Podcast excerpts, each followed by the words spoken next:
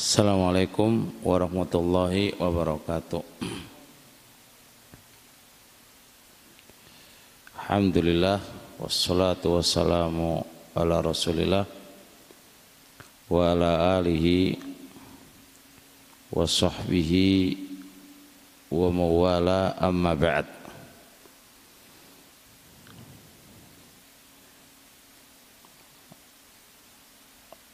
Alhamdulillah Allah Subhanahu wa taala masih memberikan taufik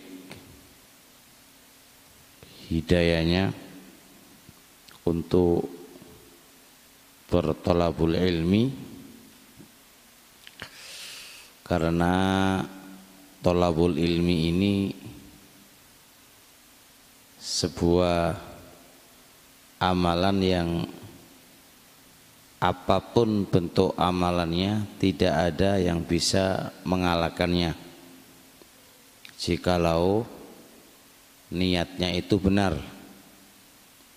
Oleh karenanya Imam Ahmad pernah berkata al ilmu itu la yu'adiluhu syai'un. Ilmu itu tidak ada satupun yang bisa menandingi tentang keutamaannya dan kebaikannya.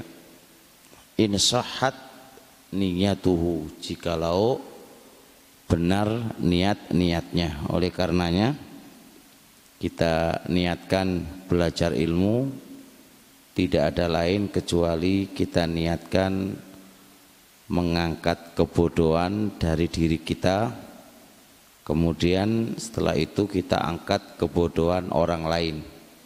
Itu adalah benar niatnya. Benar niat di dalam belajar kalau kita niatnya ingin menghilangkan kebodohan dari diri kita. Kita akan lanjutkan ngaji tentang kaidah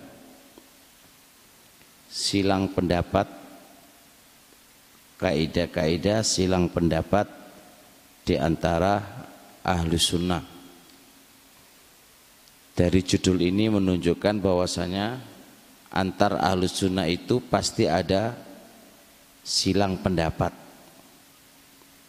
Dan ini bisa kembali kalau masing-masing itu memahami kaidah-kaidahnya dan harus berlapang dada di dalam menghadapi permasalahannya.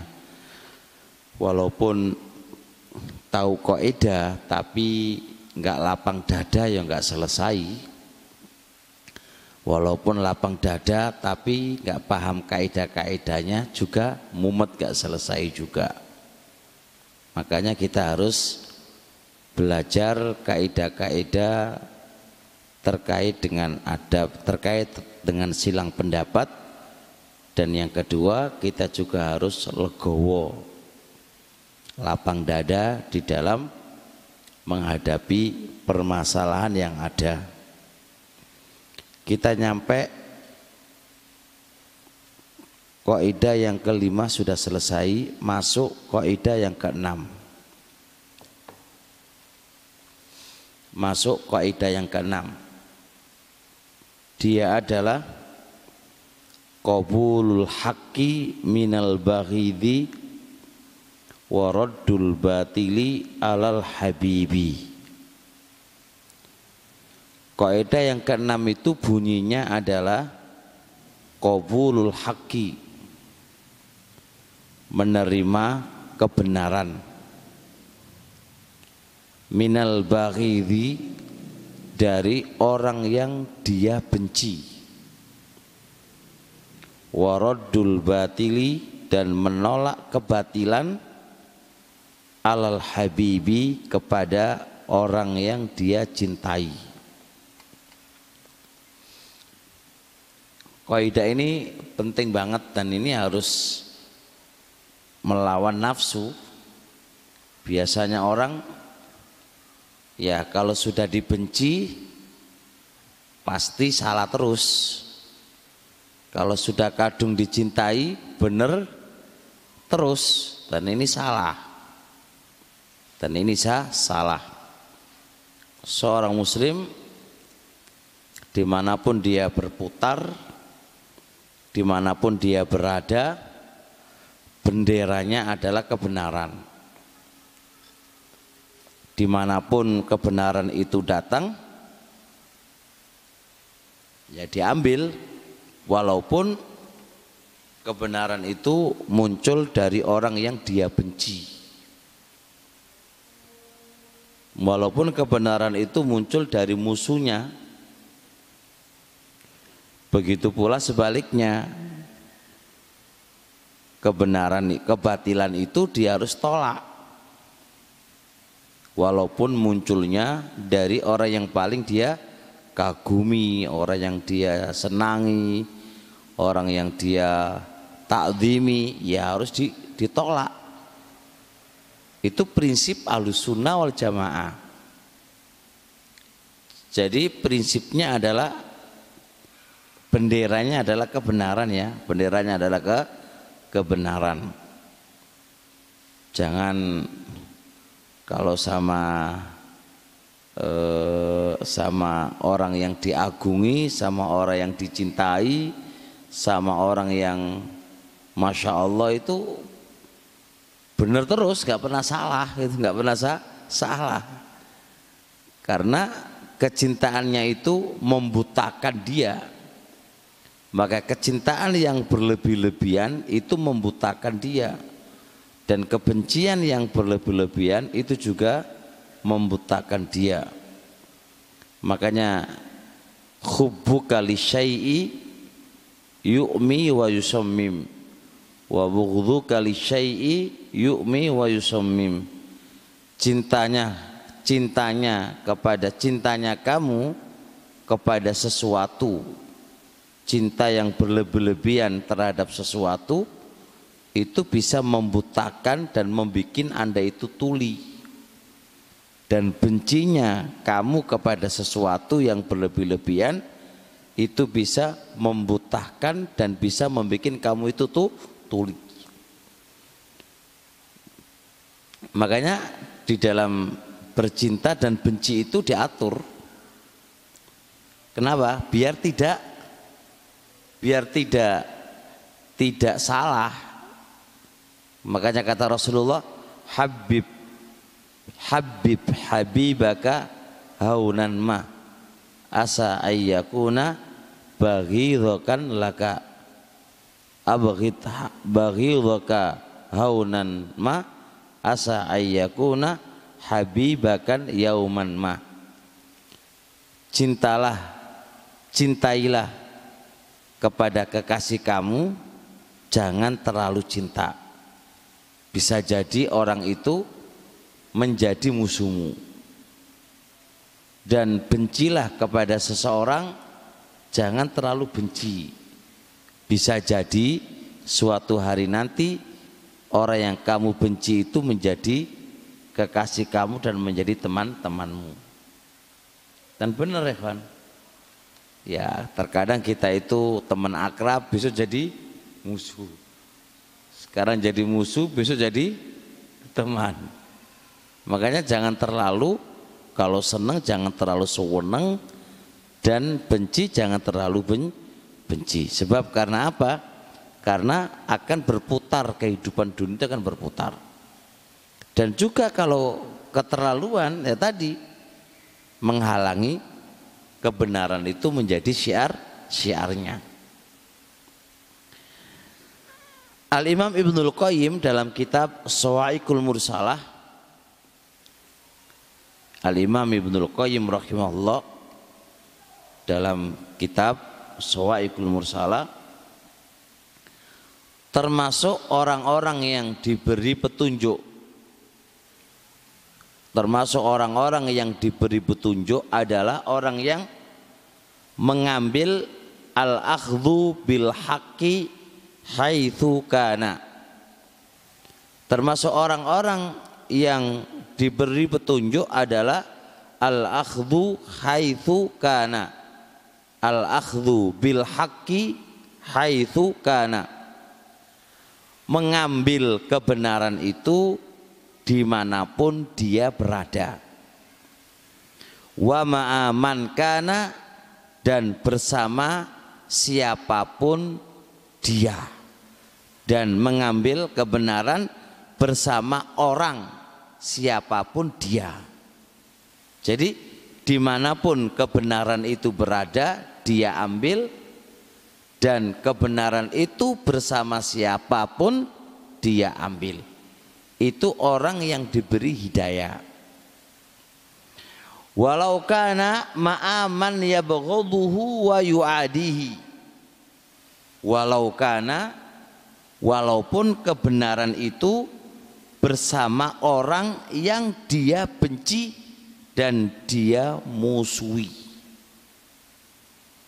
Lihat itu. Walaupun kebenaran itu bersama orang yang dia benci dan kepada bersama orang yang dia musuhi. Tetap dia ambil. Jelas insya Allah? Paham ya jadi kan biasanya kan nggak mau nerima waduh itu musuhku eh. mau tak ambil kebenaran dari dia kok gengsi lah ini ini orang ini nggak dapat petunjuk. Ada orang yang mendapat petunjuk itu adalah orang yang ya syiarnya itu memang kebenaran. Syiarnya itu adalah kebenaran. Dia selalu mengambil kebenaran di mana pun tempatnya dia bersama siapa pun dia. Walaupun bersama orang yang dia benci dan dia musuhi. Kemudian orang yang mendapat petunjuk masih lanjutannya kalam Ibnu Qayyim rahimahullah adalah waraddul batili ma'aman kana.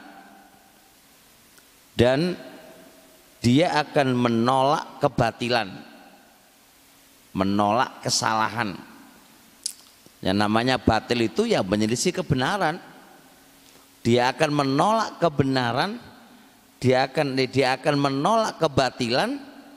Ma'aman kana bersama siapa pun kebatilan itu bersamanya. Bersama siapa pun dia dia akan tolak walau kana ma'aman yuhibbuhu wa yuwali walaupun kebatilan itu bersama orang yang dia cintai dan bersama orang yang dia loyalitasi. Yang namanya batil tetap ditolak. Tapi membahas masalah penolakan lo ya, membantah beda mana lo ya. Nanti kalau menolak lalu kamu orang kamu cintai kamu habisin ya beda lagi nanti pembahasannya itu. Ini sekedar menolak, menolak, menolak kebatilan, menolak ya bahasa Ibnu Qayyim roddul batil menolak kebatilan. Ya menolak kebatilan nggak menerima kebatilan bersama siapa pun dia. Walaupun dia itu orang yang kamu cintai dan orang yang kamu loyalitasi dia tetap tolak. Tapi jangan kayak jangan kayak kita ya menolak kebatilan iyo tapi seorang-orangnya walaupun dia itu ahlus sunnah dihabisin sampai entek ya ini beda mana pembahasannya. Ini harus harus sebabnya beda. Ini menolak kebatilan. Itu atau kebatilan dari siapa pun dari guru kita ya kita tidak menerima namanya kebatilan. Tapi bukan berarti menerima kebatilan lalu apa? Menolak kebatilan lalu maluin gurunya itu ya ora tepak. Guru di paluin gini kan. Ini gak ngerti kok ida lagi ini. Jadi bahasa menurut itu rodul batil menolak kebatilan. Jelas ya? Ini kata Ibnu Qayyim tadi apa orang yang dapat petunjuk di orang yang mendapatkan petunjuk itu itu kalau anda bisa begini alhamdulillah Kenapa sampai disampaikan oleh Ibnu Qayyim ini orang yang mendapatkan petunjuk? Kenapa kok sampai, sampai sampai begitu? Karena kebiasaan orang itu berbeda. kalau sama sama orang yang dia benci wis gak akan nerima kebenaran sama sekali gak akan nerima pokoknya kalau muncul dari musuhnya itu salah aja. Kalau muncul dari apa? Orang yang dia senangi bener toh. Nggak ada salahnya. Paham ya? Ini yang harus diperhatikan oleh kita semuanya. Al-Imam Syafi'i rahimahullah taala dalam kitab sebagaimana dalam kitab Al-Faqih wal Mutafaqih miliknya Khatib Al-Baghdadi beliau menukilkan ucapan Imam Syafi'i. Coba kita renungkan bagaimana ucapan Imam Syafi'i. Beliau mengatakan begini maka lam tu ahadan qattu illa ahbabtu ayyu wafaqa wa yusaddada wa yu'ana. Tidaklah aku berdebat tidaklah aku berdiskusi kepada seseorang sama sekali. Tidaklah aku berdiskusi kepada seseorang kecuali aku senang kalau musuh saya teman yang saya lawan saya lawan saya diskusi itu kecuali saya senang lawan saya yang saya ajak diskusi itu aku senang dia mendapatkan taufik dari Allah dimudahkan oleh Allah dan ditolong oleh Allah. Wa yakunu alaihi riayatun minallahi wa hifdzun. Dan dia itu dijaga oleh Allah dan dipelihara oleh Allah. Coba. Ini hatinya Imam Syafi'i luar biasa ya. Coba ini lawan lawan diskusinya itu malah malah apa? Malah beliau itu seneng kalau lawannya itu dapat apa? Taufik dari Allah, dimudahkan oleh Allah, kebenaran itu munculnya dari dia, lalu Imam Syafi'i itu bisa menerimanya. Malah ini kan kalau kita kan enggak ya justru kebenaran itu lewat aku lah gitu kan bukan lewat lawanku lah lawanku is biar kapok is kalah gitu kan ini ya jelas hatinya nggak baik. Hatinya nggak baik. Imam Syafi'i Masya Allah luar, luar biasa. Lihat saya ulangi lagi. Tidaklah aku berdiskusi kepada soal kepada siapa pun dia tidaklah aku berdiskusi kepada seseorang pun kepada seorang pun kecuali aku seneng dia dia dia mendapatkan taufik dibantu oleh Allah dipelihara oleh Allah dijaga oleh Allah. Maksudnya biye lawannya itulah yang kebenaran itu muncul dari dia. Saya salah yang benar itu dia. Lalu saya bisa menerima dari dia. Wa makalam tu ahadan qattu lihat. Dan ketika tidaklah aku berdiskusi kepada seorang pun kecuali aku nggak peduli. Apakah Allah Subhanahu wa taala menjelaskan kebenaran itu lewat diriku atau lewat dia? Masya Allah. Ini poin yang kedua. Wa makallam tu ahadan qatu illa walam ubali. Tidaklah aku berdiskusi kepada seorang pun kecuali aku lam ubali aku tidak peduli bayanallahu al haqqa aku nggak peduli apakah Allah itu menjelaskan kebenaran melalui lisani lisanku ataukah melalui lisani melalui lisannya di dia. Dan itu seharusnya kita. Semoga Allah ngasih hidayah kepada kita semuanya gitu kan. Jadi Imam Syafi'i lihat kebenaran itu dari siapa pun dia diambil. Walaupun itu lawan diskusinya. Walaupun itu lawan diskusinya. Kalau memang kebenaran itu berada di lawannya, maka dia akan rujuk dan kembali kepada kebenaran. Tapi ini berat. Berat. Kok bisa berat kenapa? kita selalu menggunakan eh ego kita selalu punya perasaan waduh izin gitu kan? I izin kita kadang-kadang ya tadi masya Allah aku rujuk dari kesalahan. Enggak lah gitu kan? Nah kalau sudah kayak gitu repot makanya adab. Kaidah silang pendapat kalau kita merujuk di sini ya sudah lah mana yang salah ngakuin salah mana yang benar sudah. Dan nggak perlu yang benar itu bangga dengan kebenarannya dan nggak perlu salah ya dihinakan. Ini masalahnya kan kenapa kok terjadinya keminderan gitu kan? Keminderan itu karena apa? Karena tadi yang benar sok merasa sombong dengan apa? Kebenarannya lalu dia menguliti kepada yang salah. Lah ini kan wis wis nggak di jalur jalur jalur utama lagi. Itu di luar jalur kalau sudah kayak gitu itu. Ini masalahnya di sini Al Imam Ibnu Hazm rahimahullah taala di dalam kitab Al Ihkam fi Usulil Ahkam. Dalam kitab Al Ihkam fi Usulil Ahkam. Kitab usul milik Ibnu Hazm. Di jilid 4 halaman 186 Ibnu Hazm mengatakan di sana ada kaidah-kaidah kebenaran. Ada tiga kaidah-kaidah kebenaran. Yang pertama beliau mengatakan ittibaul Quran ngikuti Al-Quran. Ini kaidah kebenaran satu.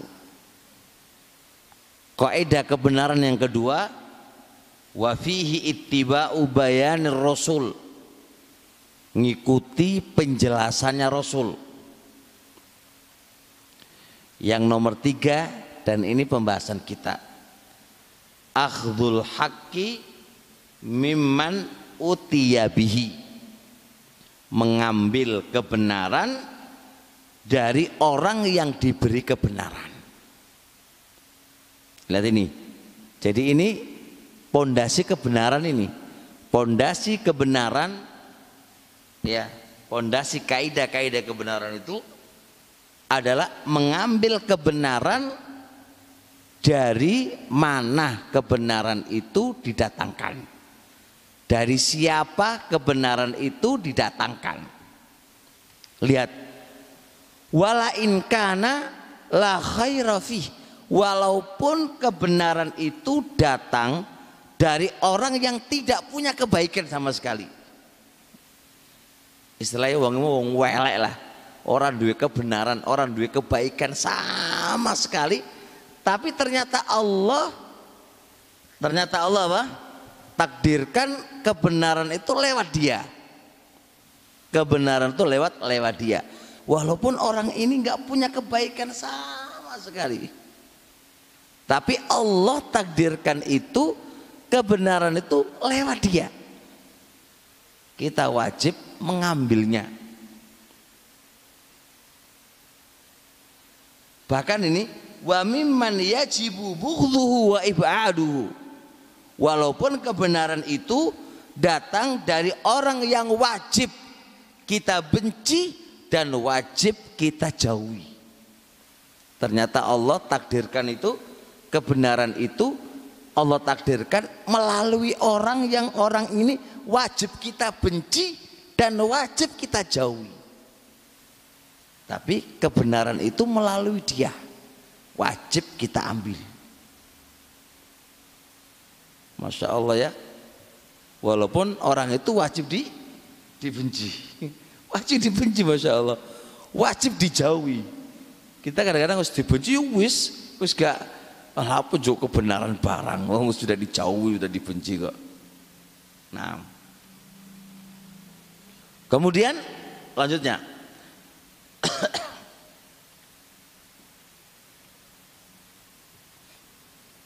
Wa alla yuqallida khata'a fadilin.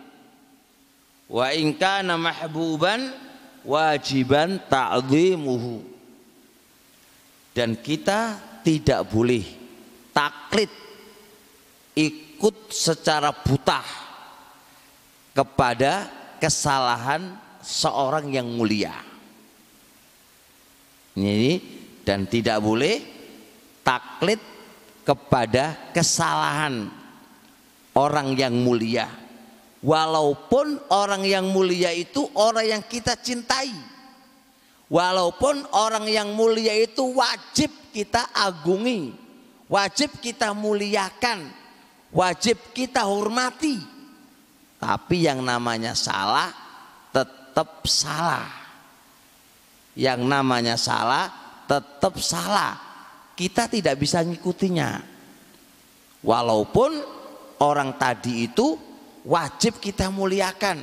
Walaupun orang tadi wajib kita takdimi, wajib kita hormati. Tapi ketika salah tetap adalah salah. Masya Allah. Itu prinsip kebenaran itu. Ibnu Hazm menjelaskan itu prinsip-prinsip kebenaran. Kaidah-kaidah kebenaran. Ini berlawanan Pak ya. Kalau munculnya dari orang yang kita benci, wajib kita benci, wajib kita wak, jauh ya wes sudah. Sudah itu, wes gak usah diterima wes. Nah ini nggak bisa karena bendera kita bukan bendera siapa yang wajib kita benci dan siapa yang wajib kita hormatin, tapi bendera kita adalah keben kebenaran. Di mana pun kebenaran itu berada, wajib kita ambil dan kita bendera kita itu apa? tidak menerima kesalahan siapa pun yang salah tetap ditolak kesalahannya siapa pun dia dan bagaimanapun dia bahkan ini muncul dari orang-orang yang kita hormatin orang yang kita muliakan namanya salah tetap salah tapi bukan berarti salah saya ingatkan lagi yang kita yang orang yang wajib kita muliakan, wajib kita hormati ketika itu salah ditutui palu itu ya keliru. Ya kasusnya ini aja nggak kita ambil, kita tolak kebenar. Kesalahan tetap kita kita katakan salah. Namanya salah kok dibenarkan, benar kok disalahkan. Enggak ya tetap salah. Salah adalah salah. Tapi mensikapi kesalahan lihat dulu orangnya masih ada ilmu yang harus dipelajari di situ.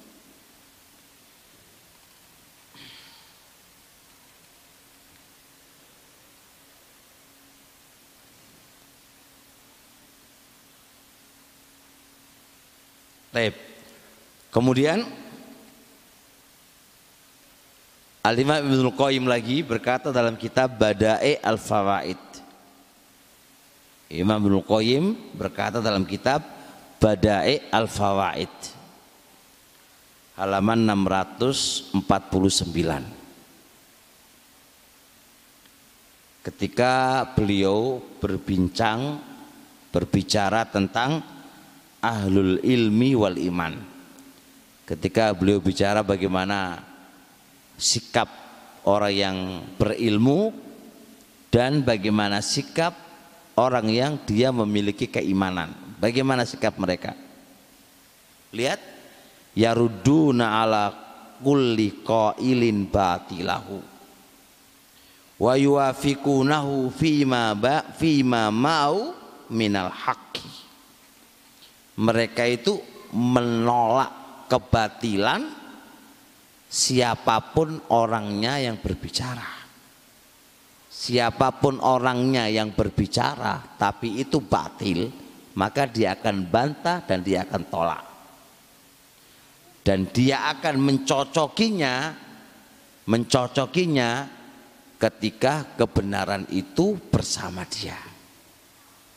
Jadi porosnya begitu pokoknya kalau kalau apa namanya kalau itu batil ya dia akan tolak dan dia akan bantah dan ketika dia itu adalah benar dan benar ya, dia akan cocoki.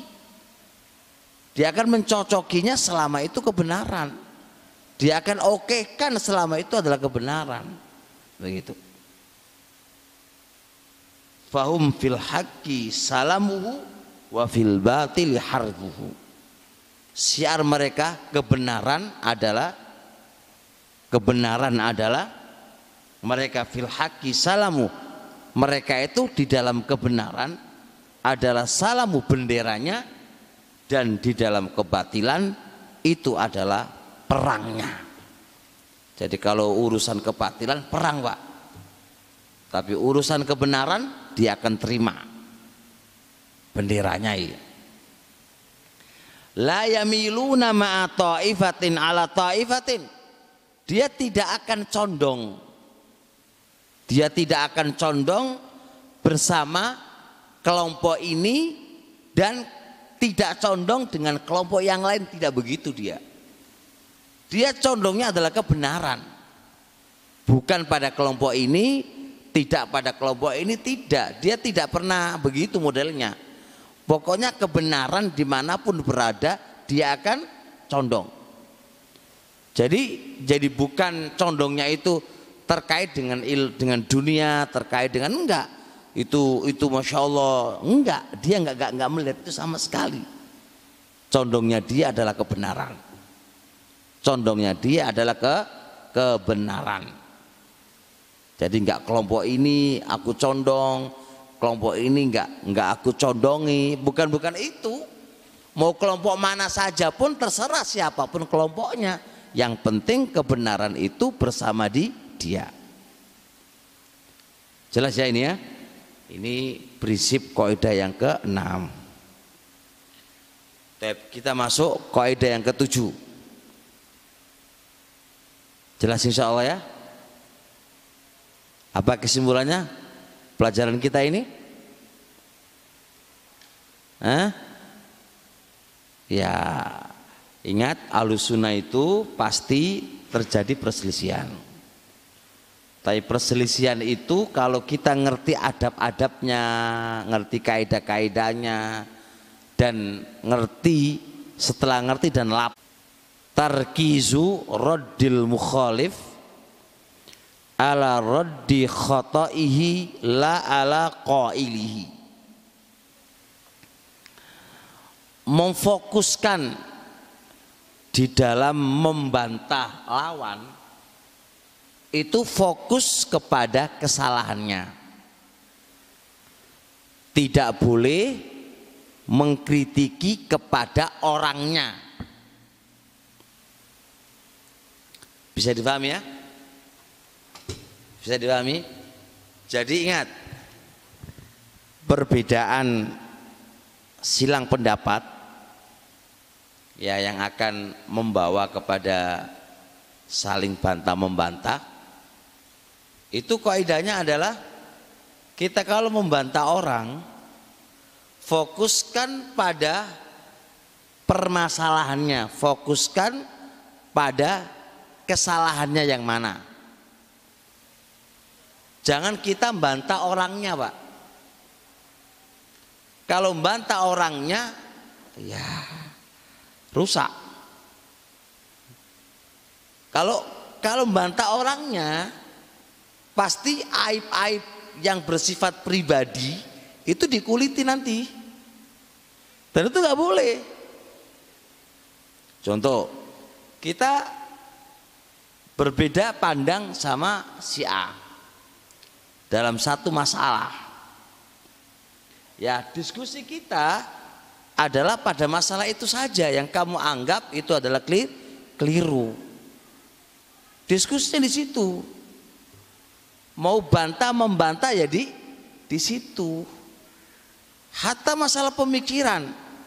Anak antum anggap itu pemikirannya salah. Bantah pemikirannya yang salah tadi jangan bantah orangnya. Kalau bantah orangnya pak itu melampaui batas. Kalau udah melampaui batas itu bukan bukan bantah-bantahan lagi itu mencaci maki. Jadi anda nggak perlu membahas si A itu lawan anda itu dia dia apa dia utang nggak nggak nyaur dia apa namanya kencingnya berdiri ataukah dia itu nonton TV atau dia itu pacaran itu nggak perlu dibahas karena itu urusan dia pribadi antara dia dengan Allah. Yang namanya membantu itu adalah kesalahan yang kesalahan itu fatal akan dicontoh oleh orang. Itu namanya tarkis memfokuskan di dalam membantah sebuah pemikiran atau kesalahan yang itu akan dianut oleh orang. Makanya antum butuh bantah. Ngapain antum bahas dia pacaran? Antum sisipkan dia pacaran. Membahas masalah fikih antum sisipkan dia itu pacaran. Dia itu begini. Itu urusan dia antara dia dengan Allah Subhanahu wa taala. Ngapain lu ikut-ikut campur antara dia anda itu ikut campur di situ karena sebuah pemikiran ini kalau dibiarkan akan ter tertularkan ke orang lain. Makanya Anda butuh diskusi di situ. Urusan dia antara dia dengan Allah biarin nggak ngapain ikut-ikut. Ini kadang-kadang banyak orang kurang kerjaan kok. Kalau kita ngulitin orang terkait dengan kayak gini, ini Anda itu juga punya kesalahan. Gak bakal, gak bakal apa? Gak bakal selamat. Hatta Anda itu pun punya kesalahan antara kau dengan Allah. Jangan sok suci ya akhi, gitu kan. Jangan sok suci. Anda ngulitin orang terkait dengan urusan dia dengan Allah, pasti Anda juga punya masalah, punya dosa antara engkau dengan Allah atau antara engkau dengan makhluk. Yang itu urusan-urusan pribadi dia, nggak usah antum urusin. Ngapain kamu urusin itu? Jadi ini jadi membantah itu fokuskan pada kesalahan dia, kesalahan yang itu kalau Anda biarkan itu berefek orang itu akan mengikuti, orang itu akan mencontoh, orang itu akan terhipnotis dengan itu. Nah, itu diskusikan, itu bantah itu. Faham insya Allah ya? Ini kalau tolong difahami. Makanya kita baca Pak. Dari kitabnya para ulama kitab jarah wa ta'dil. Dari zaman dulu sampai zaman sekarang Pak. Ulama-ulama itu mana mereka membantah terkait dengan masalah pribadinya. Dia nggak ada. Sama lihat. Kayak orang-orang membantah pemikiran Jabriyah pemikiran Mu'tazilah pemikiran Maturidiyah pemikiran Asairiyah pemikiran Jamaatul Tabligh dan yang lainnya yang dibantah apanya Pak? Pemikirannya Pak. Enggak ada dari kata-kata mereka, mereka berbuat dosa begini-begini antar dengan Allah. Enggak ada di kitab-kitab itu enggak ada. Lo aja yang salah, yang tidak paham itu. Ini namanya melampaui batas. Di dalam ngeritiki orang, awas kamu nanti ini. Awas kamu hisapnya di sisi Allah Subhanahu wa taala. Awas itu.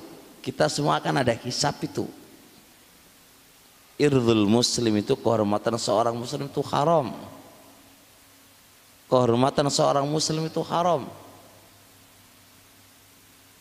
gak boleh antum habisin tuh gak boleh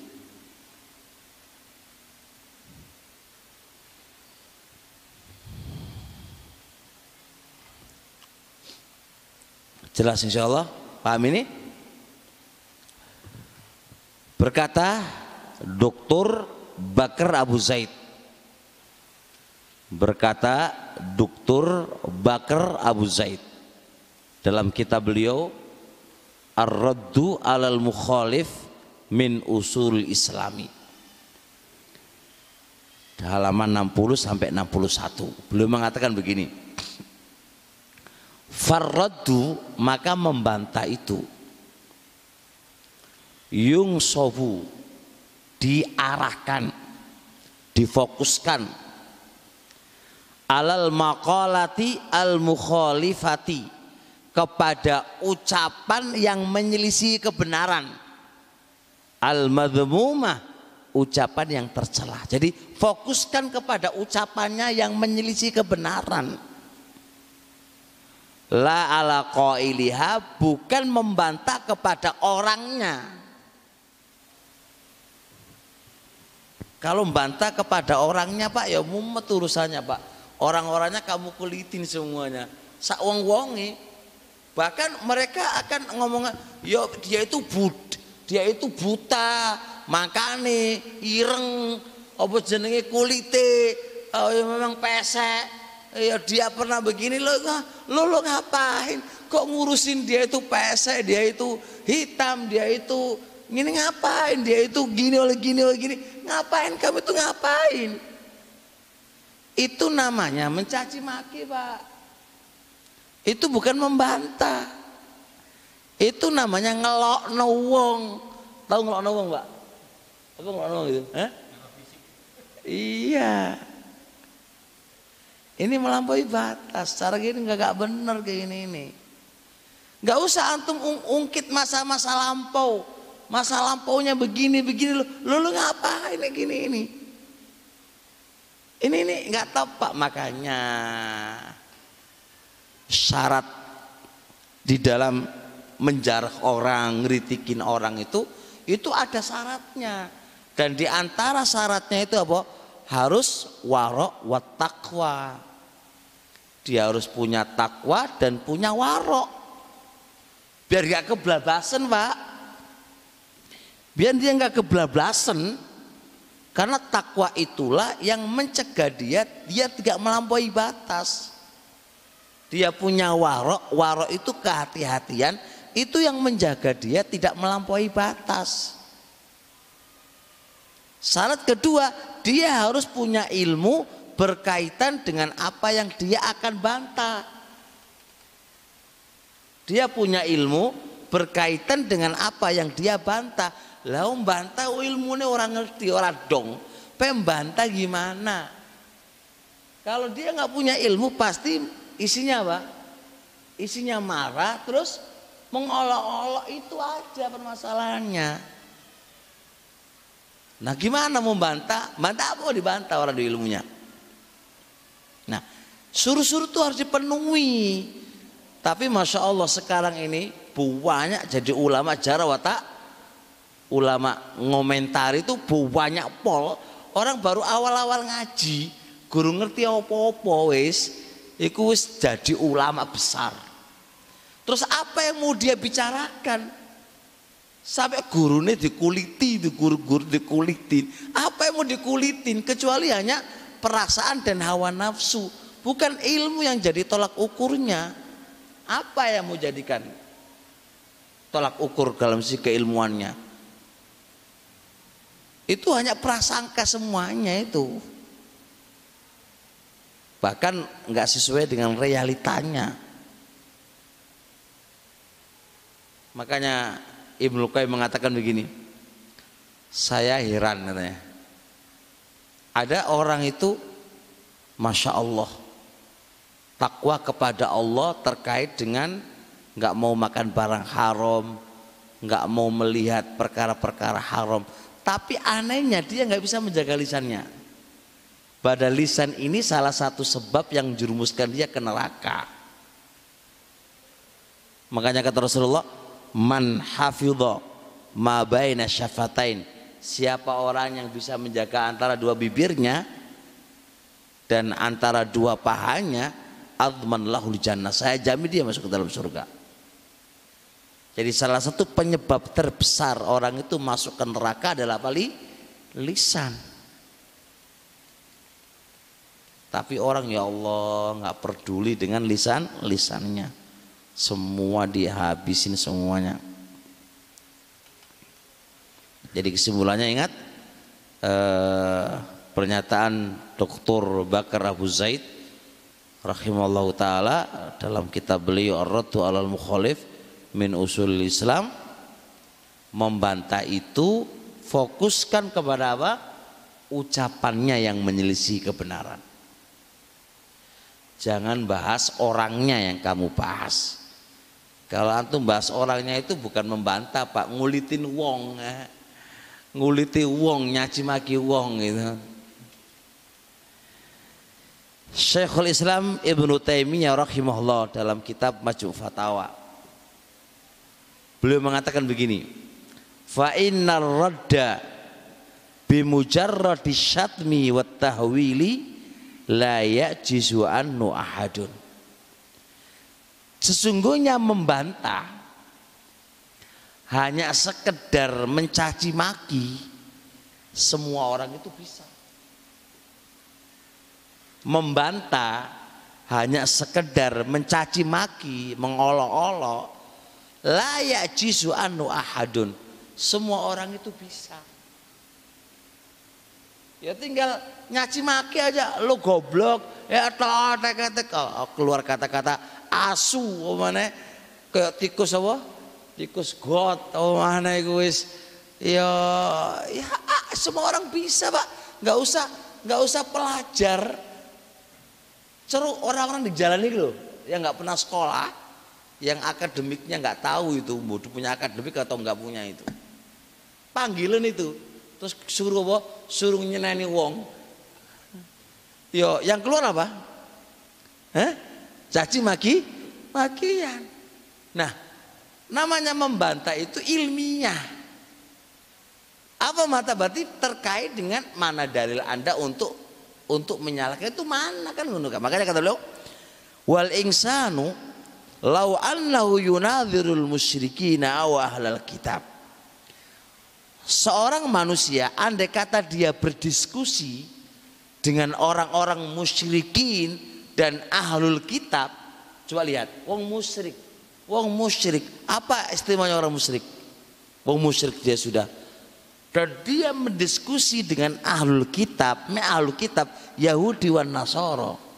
Kalau bab diskusi Pak, maka tak beliau kata Syekhul Islam, lakana alaihi ayyadzkura minal hujjah. Dia harus memiliki hujah dan dia harus menyebutkan dalil dalil yang apa? Yang membenarkan dia dan dalil yang menyalahkan dia. Itu namanya membantah. Anda punya ilmu, yang ilmu itu adalah membenarkan Anda dan Anda punya ilmu yang ilmu itu apa? Menyalahkan ucapannya dia dan keyakinan dia. Itu namanya membantah, bukan nyaci maki. Bukan mengolok-olok. Udah ya? Kalau ngolok-ngolok, mengejek-ejek, menghabisin, itu orang bantah, Pak. Iku ngritiki wonge, nguliti wonge, iku nyaci maki orangnya. Jadi kalau membantah datangkan apa alasan kamu dari Quran was sunnah untuk membantah menyatakan itu omongan salah dan yang benar adalah anda itu mana buktinya itu mana dalilnya itu mana burhan bukti itu mana itu namanya diskusi itu namanya mendebat itu namanya membantah. Kalau membantah me isini nyaci maki nggak perlu ente didatangkan. Nggak perlu ente didatangkan. Wong dalan lu iso. Gak, gak, gak butuh ente yang selalu di masjid yang berjenggot. Sok-sok apa? Ah, yang berjenggot berjubah. Apa isimu? Isini ente itu hanya menyaci maki orang nggak perlu ente ya rugi. Kita masuk neraka sebab lisan-lisan kita. Kita harus bertakwa kepada Allah dengan lisan-lisan kita kita ini. Bisa difahami insya Allah nah sampai maghrib jam berapa pak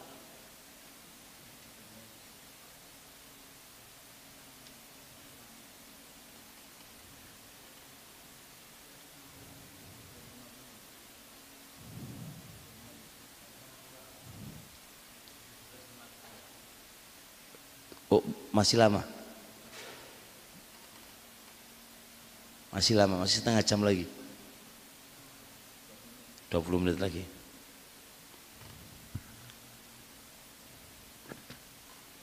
Tapi kaidah yang ke 8.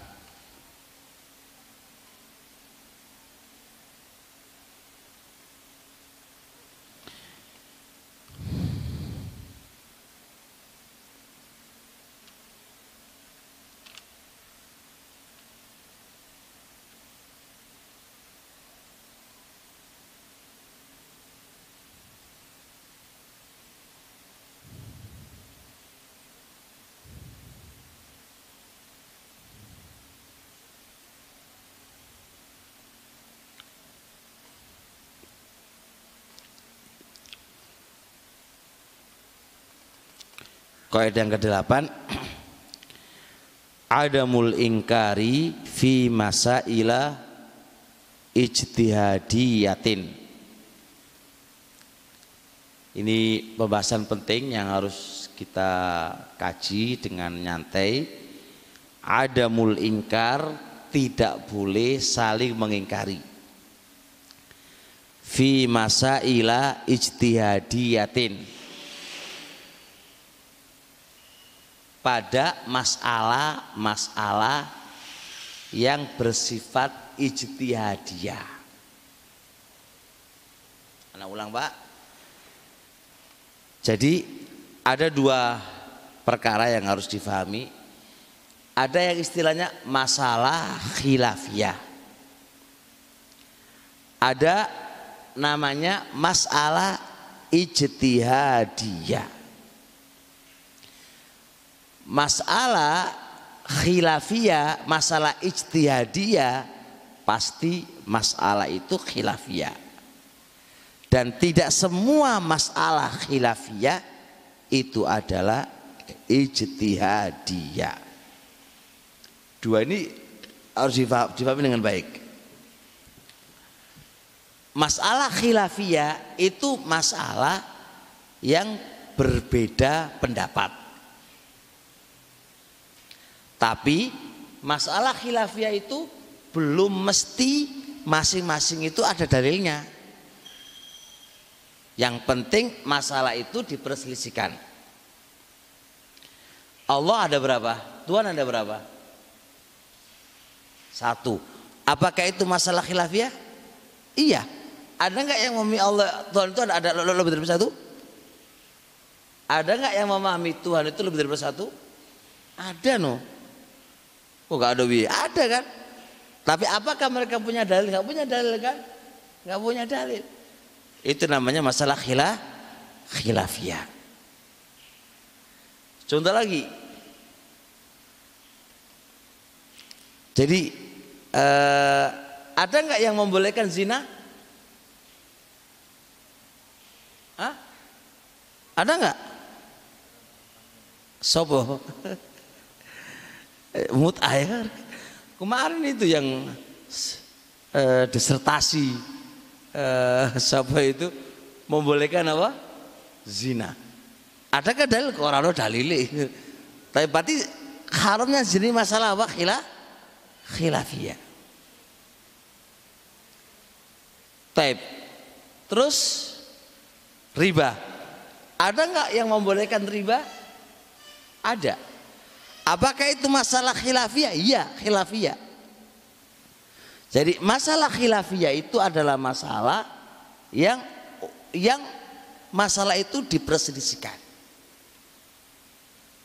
Apakah itu ada dalilnya atau enggak ada dalilnya itu terserah. Pokoknya masalah itu diperselisihkan. Yes ya, diperselisihkan. Dan masalah khilafiyah ini boleh diingkari. Boleh di diingkari. Boleh dihajar. Wong ora ono dalile kok ngomong kayak gitu itu ngawur itu itu boleh. Anda ingkari dengan keras anda bantah dengan keras anda hajar tuh boleh. Kalau itu masalah khilafiyah. Tapi kalau masalah itu ijtihadiyah beda kalau masalah itu masalah ijtihadiyah nggak bisa diingkari pak. Mau mau mau miliki terserah, mau memiliku terserah. Nggak boleh kita mengingkari, nggak boleh kita bermusuhan. Karena itu masalah ijtihadiyah. Dan kapan itu dikatakan ijtihadiyah? Yaitu masalah yang tidak ada dalil yang jelas tidak ada dalil yang jelas. Atau masing-masing itu punya dalil yang masing-masing itu kuat.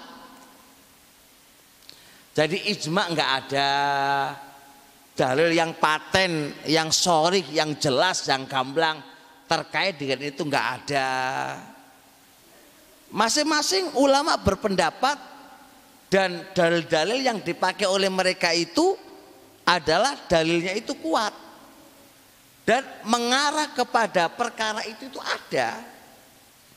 Muhtamil pak kemungkinan begini kemungkinan itu ada.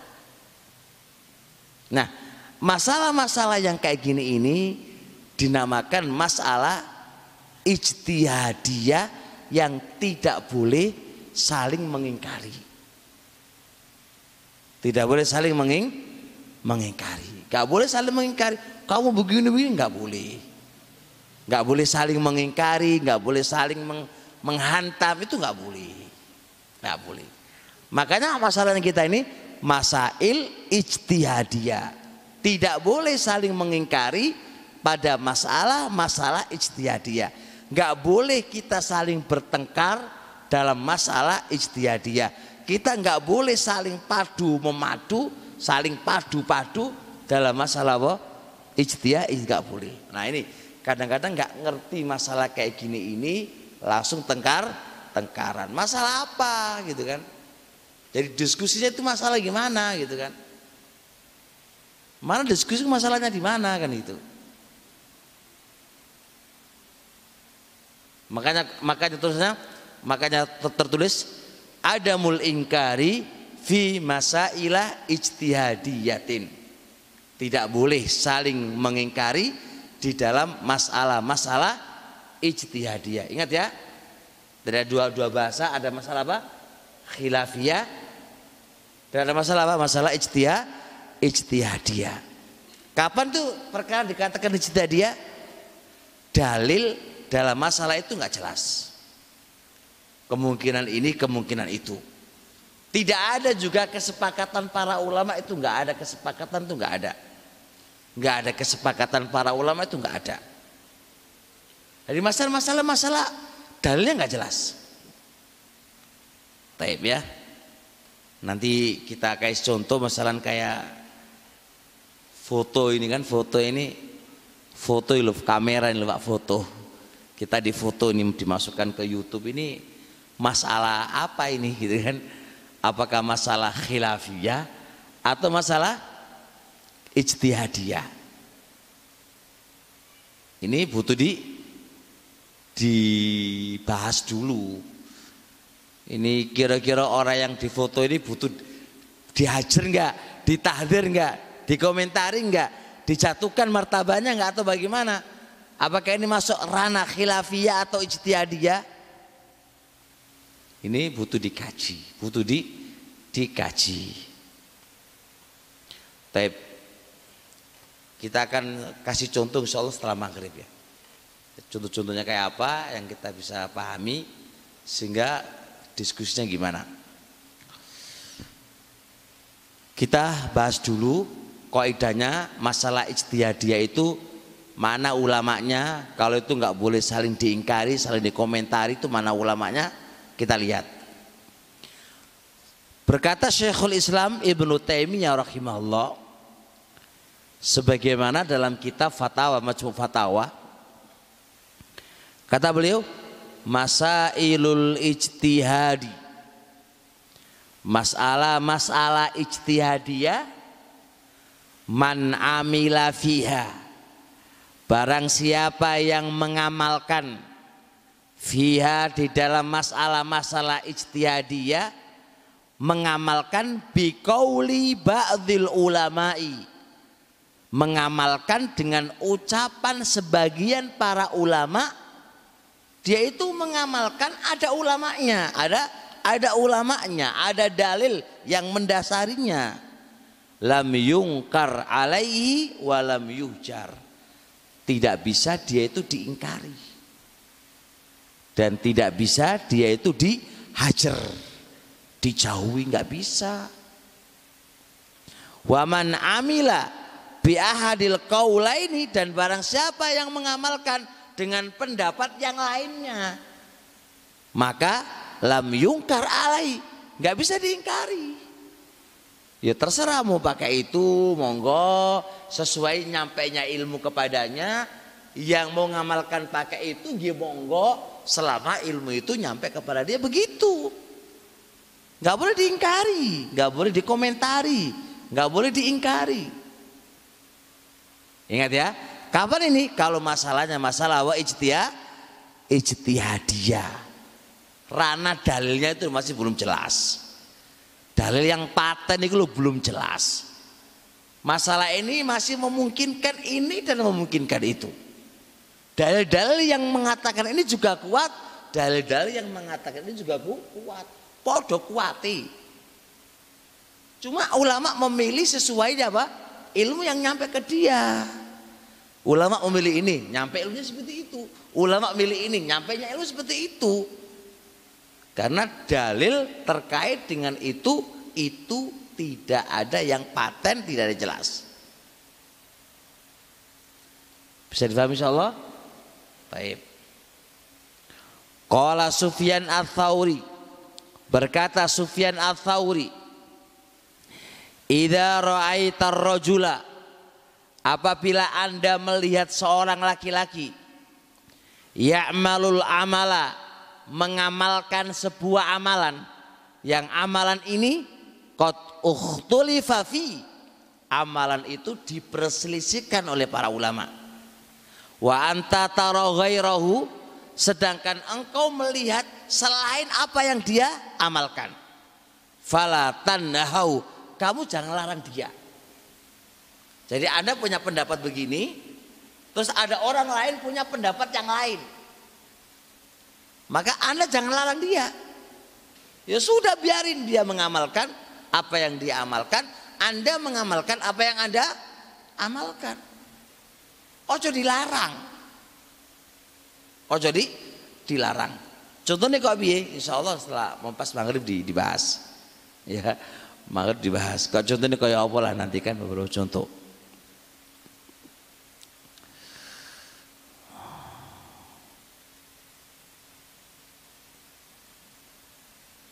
Kurang berapa? Pak? Cukup dulu ya. Cukup dulu. Lah, cukup dulu. Lanjut. Oh, 10 menit lagi. Qala Ibnu Qayyim rahimahullah. Kata Ibnu Qayyim rahimahullahu taala dalam kitab Sawaikul Mursala. Semua ada merojeknya ya, semua ada ada kitabnya, ada yang di referensinya ada. Ibnu Qayyim dalam kitab As-Sawa'iqul Mursala. Ibnu Qayyim dalam kitab As-Sawa'iqul Mursala membahas masalah perkara ijtihadiyah. Membahas masalah perkara ijtihadiyah. Kata beliau, wa hadzan nau'u minal ikhtilafi ini adalah macam minal ikhtilafi dari perselisihan-perselisihan yang ada. Tadi ingat perselisihan apa tadi? Masalah istihadiyah. La yujibu muadatan. Tidak menuntut harus saling bermusuhan. Wala iftirakon dan tidak menuntut harus berpecah belah. Sufyan, Masalah-masalah fikih yang itu dalilnya nggak jelas. Ya kan? Masalah-masalah itu yang nggak jelas permasalahannya. Itu nggak boleh kita menjadikan berpecah belah dan nggak boleh sampai terjadi itu tafaruk berpecah itu nggak boleh. Kenapa? Jamul kalimah, jamul kalimah persatuan itu asal min usul ahli sunnah wal jamaah termasuk pondasi dari pondasi pondasi ahli sunnah wal jamaah jangan dihancurkan gara-gara masalah khilafi masalah ijtihadiyah yang ranah dalil-dalilnya itu nggak jelas masa masalah masalah ijtihadiyah yang dalilnya itu nggak jelas lalu kita bertengkar bermusuhan ya kan bertengkar dan bermusuhan bertengkar dan bermusuhan, maka Anda telah menghancurkan prinsip yang paling kokoh dari prinsip-prinsip ahlu sunnah. Apa itu bersatu? Bersatu. Masa prinsip ini Anda hancurkan gara-gara masalah apa? Yang tidak jelas dalilnya. Bisa dipahami? Ini ucapan bukan jelas, jelas banget ini. Jadi perselisihan kayak gini ini la yujibu muadatan wala iftiraqan. Tidak menuntut harus kita itu berpecah bermusuhan. Saling mentahdir saling menjauhi. Delek bolo ayo apa iki lagari tukaran lagari Nah,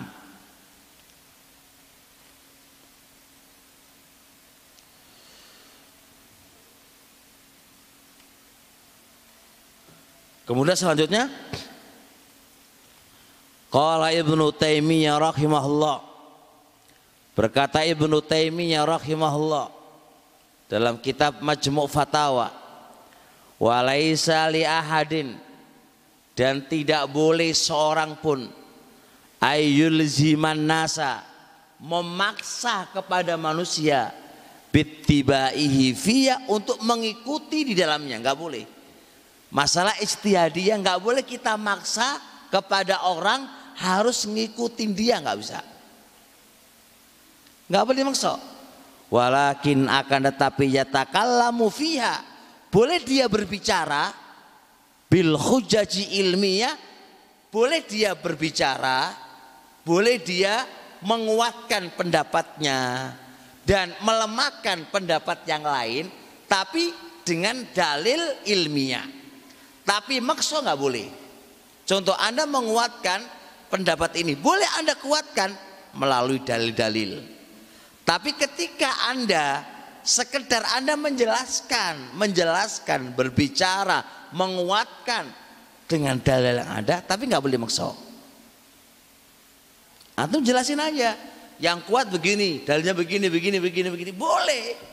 Tapi memaksa nggak boleh. Karena apa? Karena ini masalah ijtihadiyah. Anda boleh menguatkan, memilih mana yang paling kuat menurut Anda. Anda jalankan sesuai ilmu yang Anda miliki. Anda lakukan sesuai ilmu yang Anda miliki. Anda bisa mengamalkan ini karena ini sampai ilmu kepadaku lakukan. Tapi Anda nggak boleh apa? Maksa orang. Memaksa orang supaya harus ngikuti apa yang anda ikutin apa yang anda lakukan. Ini kadang-kadang kita tuh maksa uang ya maksa uang ya repot ya ada maksa uang itu kamu harus ikut saya kalau nggak kalau nggak kamu kutahdir gitu. Lo ini piye kayak salafi itu SKI munculnya dari kamu kamu berhak memasukkan dan kamu berhak mengeluarkan lewat SK kamu. Salafi ini bukan perusahaan bukan perusahaan bukan perusahaan bukan perusahaan bapakmu dan juga bukan perusahaan kakek kakekmu yang anda itu mudah ngeluarin dan mudah memasukkan. Bolomu kamu masukkan yang nggak kamu sukai kamu keluar. Lo iki piye dakwah kok?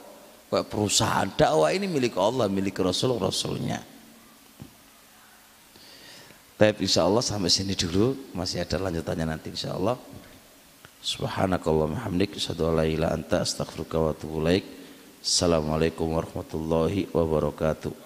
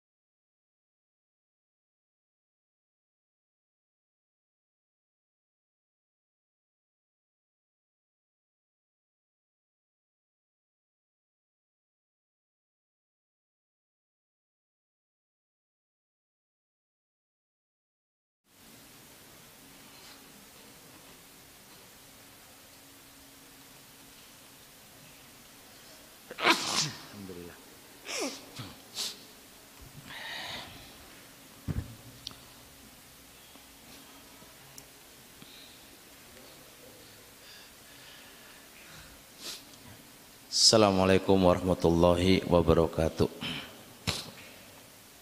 Alhamdulillah wassalatu wassalamu ala rasulillah wa ala alihi wa sahbihi wa mawala amma ba'd.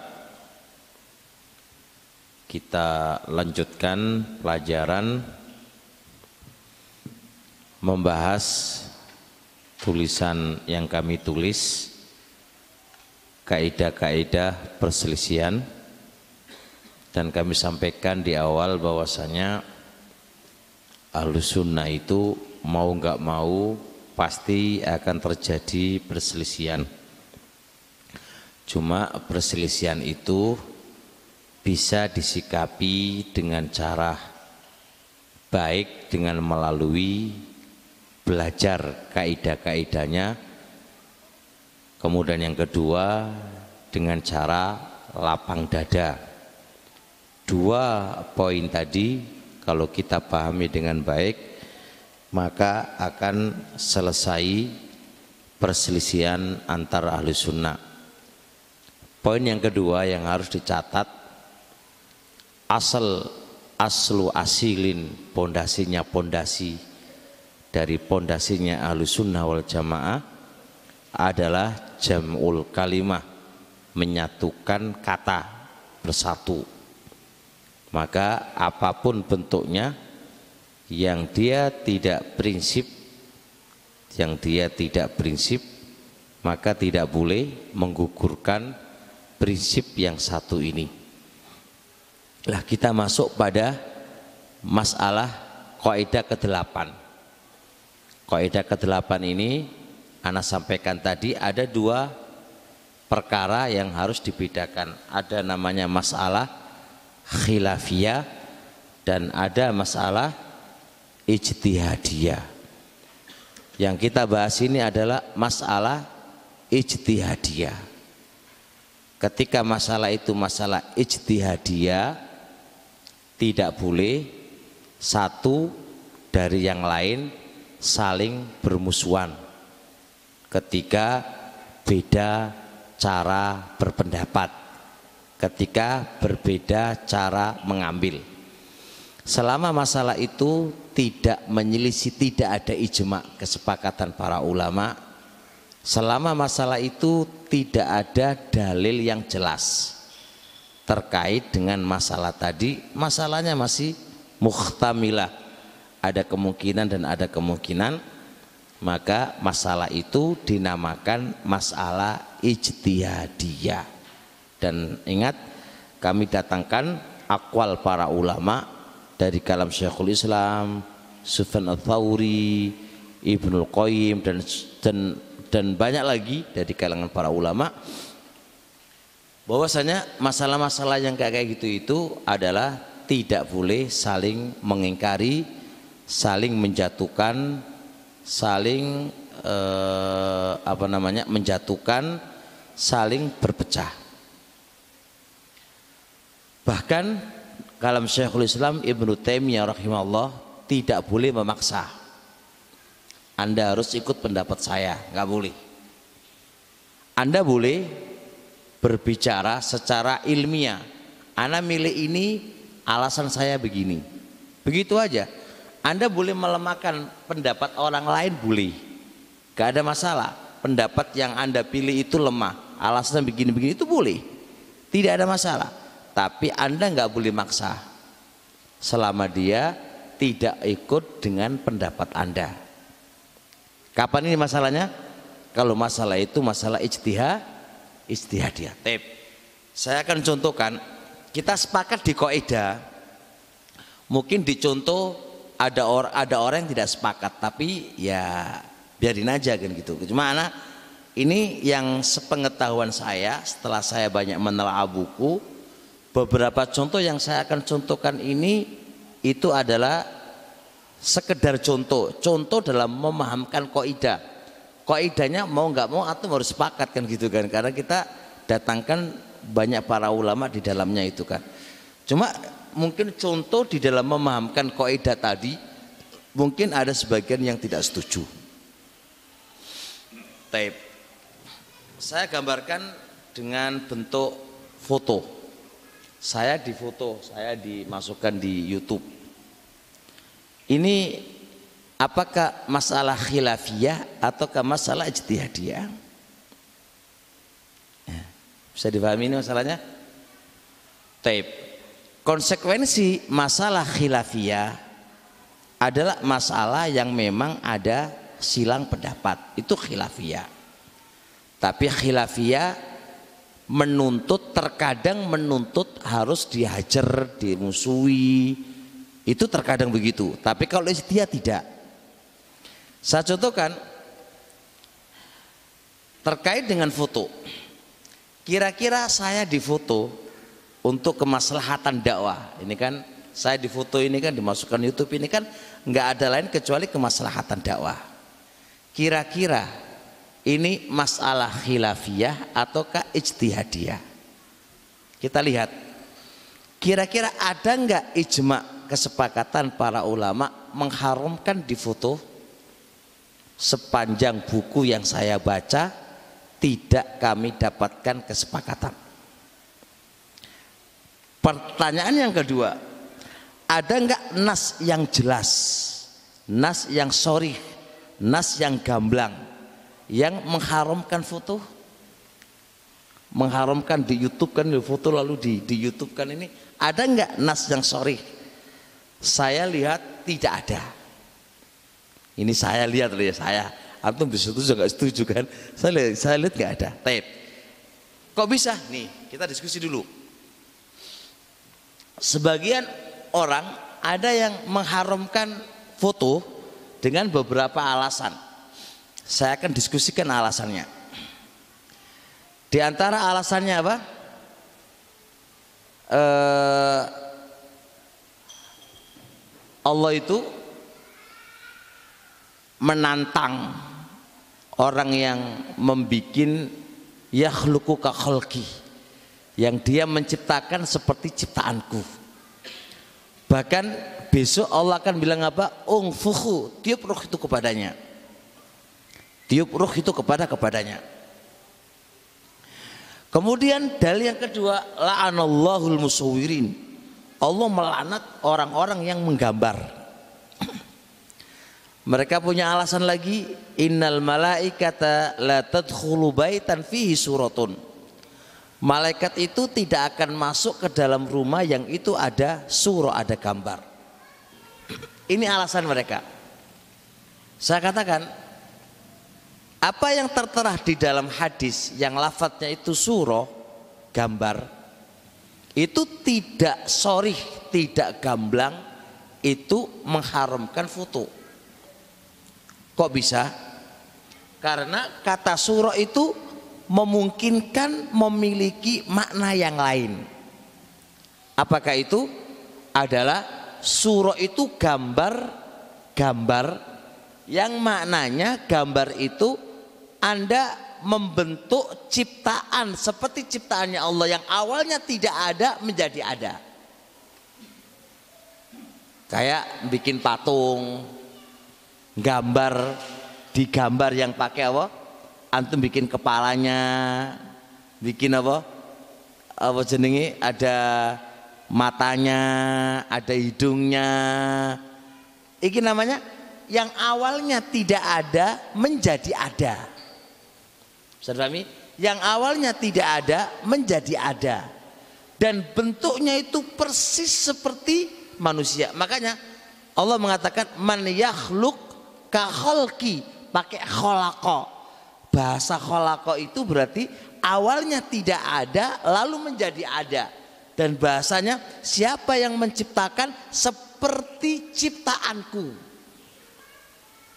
Berarti dia membentuk seperti ketika Allah membentuk Adam dari awal kakinya lalu kaki naik ke atas perut kemudian kepala persis seperti ciptaannya Allah Subhanahu wa taala. Ini yang dimaksudkan di dalam hadis. Jelas? Baik.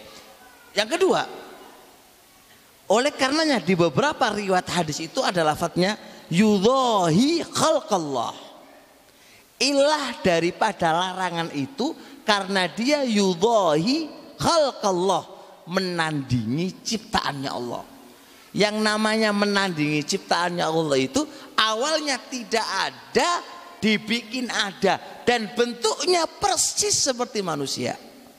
Karena yudhahi khalqallah menandingi ciptaannya Allah Subhanahu wa taala. Nah, kalau melihat kayak gini ini, apakah ada pada foto? Gak ada. Karena foto itu awalnya sudah ada, cuma dipindah. Bukan membuat dari awal. Bisa dipahami? Sekarang, sekarang YouTube bikin-bikin itu. Anak ada apa nggak ada? Ada. Terus dipindah aja. Memindah gambar saya yang dari sini dipindah di mana? dimasukkan di kamera. Saya tidak membuat si dia itu nggak membuat saya dari ujung ini kepala nggak nggak nggak membuat dan bukan mengadakan yang awalnya tidak ada menjadi menjadi ada tidak. Nah, jadi dalil yang dipakai oleh mereka tidak sorry, nggak gamblang, nggak gamblang, karena tidak sorry, nggak gamblang tentang mengharamkannya orang itu difoto untuk keperluan dakwah ilallah taala atau untuk laporan gitu kan ini semua dibutuhkan. Nah kalau keadaan yang semisal ini maka kami katakan itu kalaulah dikatakan masalah khilafiyah enggak itu masalah ijtihadiyah. Karena kita bukan membuat dari nol menjadi baru bukan. Ini sudah ada cuma dipindah aja. Persis masalahnya dengan cermin. Anda bercermin. Anda tampakkan di layar kaca terus tiba-tiba ada bayangan anda nggak? Apakah anda dikatakan menciptakan yang baru? Tidak. Hanya berpindah aja. Beda dengan menggambar pak. Gambar dari kaki yang awalnya nggak ada kaki kamu bikin kaki. Nggak ada perut kamu bikin perut. Itu itu gambar itu yang dimaksudkan surah bentuk menggambar gitu ya kan alasan saya yang kedua saya baca buku Syekh bin Bas rahmatullah alaih dan ini saya tulis di buku, beberapa buku saya Syekh bin Bas rahmatullah alaih itu beliau ketika mengharamkan foto. Beliau mengharamkan foto. Setelah itu beliau mengatakan begini. Wa in kana ba'dhu ikhwanina yuzawwizuna dzalika limaslahati dakwah. Saya saya condong foto itu hukumnya haram kata beliau. Walaupun sebagian saudara-saudara kami itu membolehkan foto dikarenakan kemaslahatan dakwah.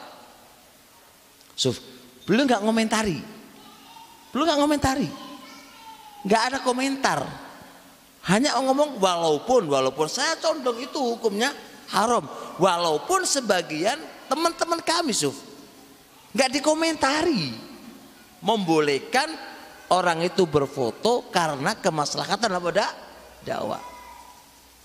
Kalaulah itu perkara khilafiyah yang itu boleh diingkari dan menjadikan perpecahan.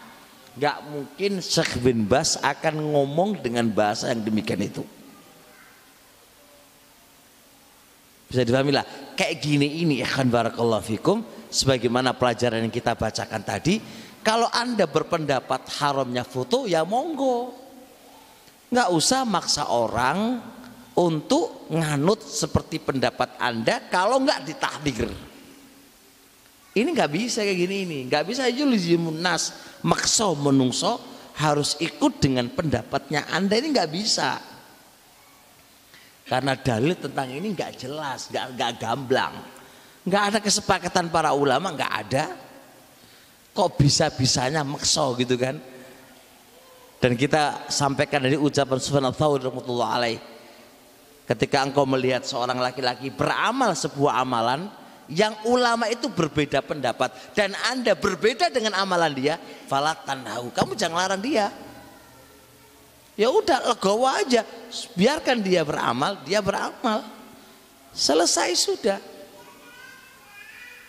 Jadi nggak boleh bertengkar gara-gara apa?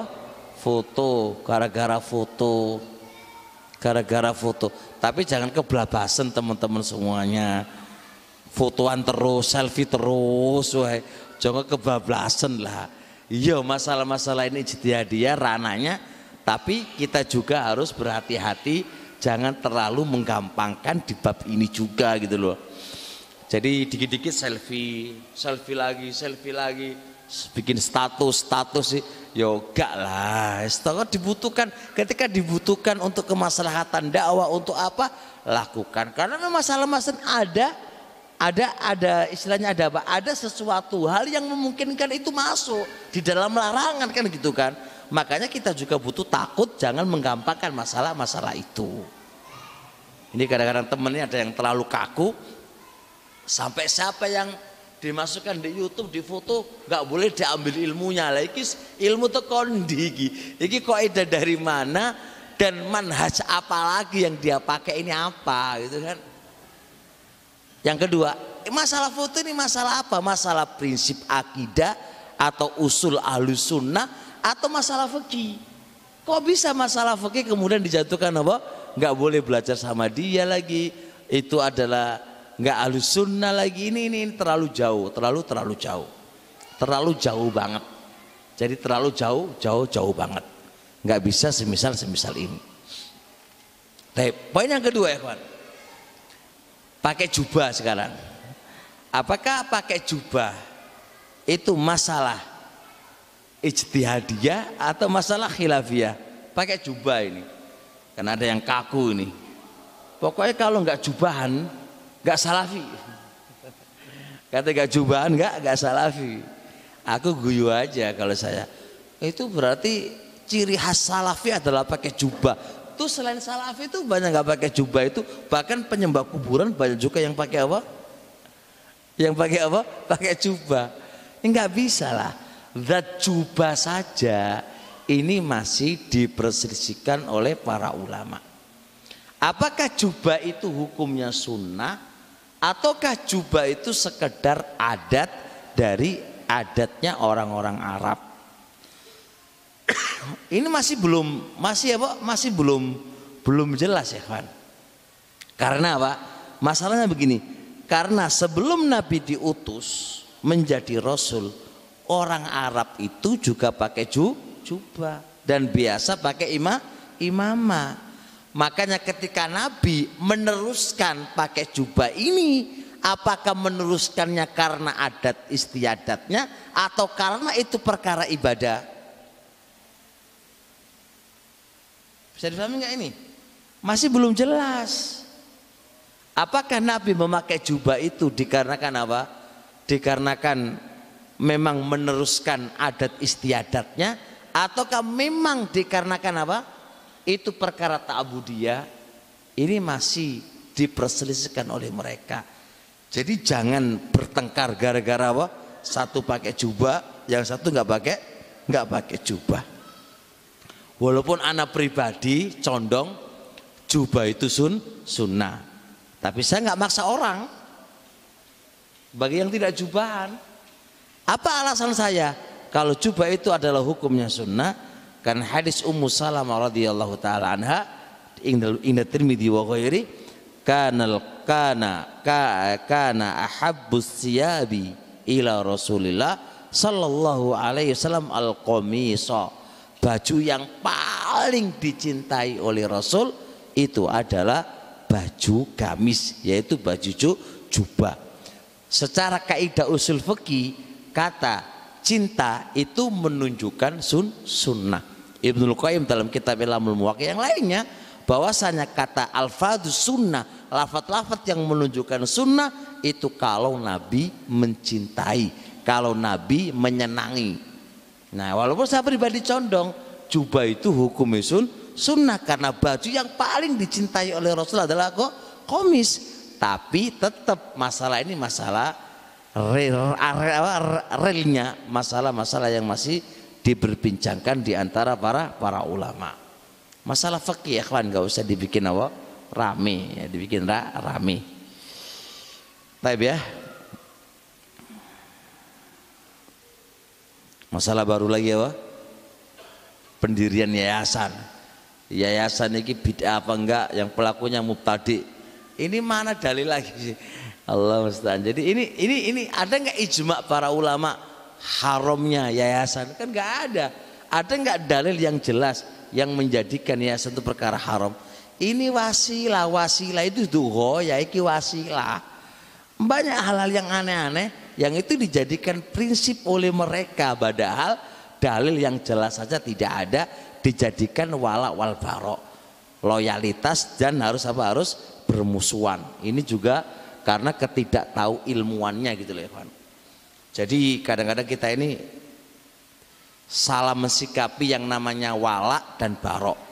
Ada wala secara total ada barok secara total ada yang terkadang wala dan terkadang barok ini kadang-kadang nggak paham konco-konco ini Kapan kita harus loyalitas wala secara 100%? Ya kepada mukmin yang nggak pernah dosa, gitu kan? Dan kapan kita barok secara total? Ya kepada orang musyrikin yang mereka mereka nggak Islam dan ahlu bidah dan seterusnya. Kalau itu masih ahlu sunnah, pasti kita masih punya wala dan kita punya barok. Kapan kita barok? berlepas diri kalau dia maksiat. Terikat pada maksiatnya saja. Tapi ketika dia nggak maksiat kita juga harus lo loyal. Ini kadang-kadang enggak temannya yang salafi itu jatuh dalam perbuatan dosa atau maksiat langsung dibarok total. Anda menghukumi dia seperti hukumnya orang-orang musyrikin ini nggak boleh kayak gini ini makanya kita harus belajar kok idanya Kaidah dalam mensikapi beda pendapat itu kayak apa? Itu harus dipelajarin. Kalau kita nggak mempelajarin ini akan jatuh dalam kesalahan yang fatal. Dan masing-masing akan ada siksaannya di akhirat nanti, hukumannya akan ada akhiratnya nanti. Tapi ya, itu beberapa contoh yang harus diperhatikan. Ada bagus banget Syekhul Islam Ibnu Taimiyah rahimahullah di kitab Majmu' Fatawa juz 30 halaman 79 Syekhul Islam itu ditanya tentang aman waliya amron min umuril muslimin tentang seseorang yang seorang ini waliya amron dia mengurusi suatu perkara dari perkara kaum muslimin. Jadi dia punya jabatan di sebuah negara. Wa madhabu sedangkan madhabnya dia la yujawwizu syirkatal abdan tidak membolehkan syirkatal abdan. Syirka itu banyak macamnya. Di antara macam-macam syirka ada yang namanya syirkatul abdan. Syirkatul abdan itu perserikatan badan. Dinamakan juga syirkatul akmal berserikat di dalam kerjaan. Dinamakan juga syirkatus sonai berserikat di dalam kerjaan jadi gini misal contoh saya tukang jahit tukang jahit ini lima orang Ayo tukang jahit semuanya. Ke sini semuanya. Kita berserikat di dalam sebuah kerjaan. Ini ada tender seribu baju. Yes, kita selesaikan semuanya. Itu namanya sirkatu abdan. Nanti masing-masing dapat keuntungan berapa? Andai kata ada 10 juta keuntungan, kita bagi secara secara secara sama-sama wis sesuai dengan kesepakatan. Nah, gimana hukumnya wahai Syekhul Islam? Ada seorang pemimpin yang ngurusin perkara kita. Ada seorang pemimpin yang ngurusin urusan kita. Itu madhabnya dia mengharamkan syirkatul abdan. Madhabnya dia berpendapat nggak ada syirkatul abdan. Lihat pertanyaannya, Fal yajuzu lahu unnas. apakah boleh bagi pemimpin tadi melarang manusia seperti pendapat dia? Apakah boleh bagi dia memaksa masyarakatnya harus mengikuti pendapat dia? Apakah boleh? Kata Syekhul Islam, fa'ajaba laisa lahu man unnasi fi min misli dzalika laisa lahu tidak boleh bagi dia. Bagi pemimpin nggak boleh. Man unnas melarang manusia. Min misli dalik dari bolehnya syirkatul abdan. Wala min nadhairihi dan nggak boleh melarang manusia dari perkara yang semisalnya yang mana perkara-perkara itu yasuhu fihil ijtihad yang boleh beristihad di dalam masalahnya lihat ini punya wewenang, ini wewenang, ini punya wewenang. Itu saja nggak boleh maksa orang pada perkara yang itu istihad masuk di situ. Apalagi selain manusia, apalagi kita ustadz. Anda itu ustadz itu nggak punya kekuasaan apa-apa. Karena status Anda itu nggak ngurusin kaum muslimin. Anda itu hanya statusnya ustadz mengkabarkan Makanya Syekhul Islam Ibnu Qayyim dalam kitab Ilamul Muwaqqi'in dan saya tulis di buku saya terkait dengan ini Mauqiful Muslim ala ulama'ihi. Sikap seorang muslim kepada ustadznya saya punya buku itu. Jadi dibedakan antara qadhi dengan mufti. Mufti itu kan tabik pemerintah loh ya tabik kepada pemerintah loh mufti itu berarti tabik kepada pemerintah loh ya itu saja dibedakan antara kodi dengan mufti. Mufti itu adalah tugasnya menyampaikan hukum Allah kepada manusia dan tidak boleh maksa. Itu mufti, Pak. Apalagi ustadz yang statusnya nggak mufti, nggak apa. Kok bisa maksa orang lu piye? Raiso. Beda dengan kodi. Kalau kodi menghabarkan hukumnya Allah dan wajib ditunaikan. Itu kodi kodi apa pak? Pak hakim. Dia menghabarkan hukumnya Allah dan wajib diikuti. Itu kalau kok kodi nah kalau mufti nggak bisa. Nah lihat. Ini statusnya oh, status yang ditanyakan oleh oleh Syekhul Islam ini adalah dia ngurusin perkara dari perkara kaum muslimin. Berarti dia punya wewenang. Wewenang dia punya wewenang. Ikut dalam perkara negara. Itu saja tidak boleh maksa. Dalam kasus perkara yang ya fil ijtihad. Boleh beristihad di dalamnya. Kita lihat. Walaisa mahu bil man'i nasun min kitabin wala sunnatin wala ijma'in. Karena apa? Dia nggak boleh. Karena tidak ada bersama mufti tadi, tidak ada bersama orang tadi, tidak ada bersama orang yang ngurusi perkara kaum muslim itu, tidak ada dalil, nggak ada nas, nggak ada Quran, nggak ada sunnah, nggak ada ijma. Karena yang berat melarang itu Quran, sunnah, ijma. Itu yang menjadi tolak ukur. Kalau nggak nggak ada ya nggak bisa. Nah, kata la siama lebih-lebih. Wa aktsarul ulama'i ala jawazi misli dalika lebih-lebih kebanyakan para ulama itu membolehkan syirkatul abdan. Bahkan mayoritas para mayoritas kaum muslimin ini mengamalkan syirkatul abdan Loh, kok bisa dilarang dan dipaksa orang itu harus mengikuti dia nggak bisa nah mewah bisa difahami insyaallah. Bahkan belum mengatakan ini. Wa hadza kama annal hakima laisa lahu ayyanqudha hukma ghairihi. Nah ini dan tidak boleh bagi Pak Hakim membatalkan hukum selain dia. Hukum selain dia yang dia bilang begini, terus dia punya pendapat lagi, nggak boleh dia batalkan hukum hakim yang lainnya nggak boleh. Jadi seorang hakim itu itu nggak boleh membatalkan hukum yang telah ditetapkan oleh hakim selain dia nggak boleh dibatalkan. Ya ada hakim yang punya dua pendapat begitu aja nggak boleh membatalkan ketetapan hakim selain dia itu nggak boleh itu hakim antar hakim loh. Itu aja nggak boleh. Apalagi seorang mufti atau yang lain nggak boleh. Makanya kata beliau wala lil alim wal mufti aizul ziman nasa bittibaihi fi misli hadil masaili. Dan nggak boleh bagi seorang alim dan mufti memaksa manusia harus mengikuti masalah-masalah yang itu ijtihad ijtihadiyah bisa dipahami soalnya tergambarkan sekarang.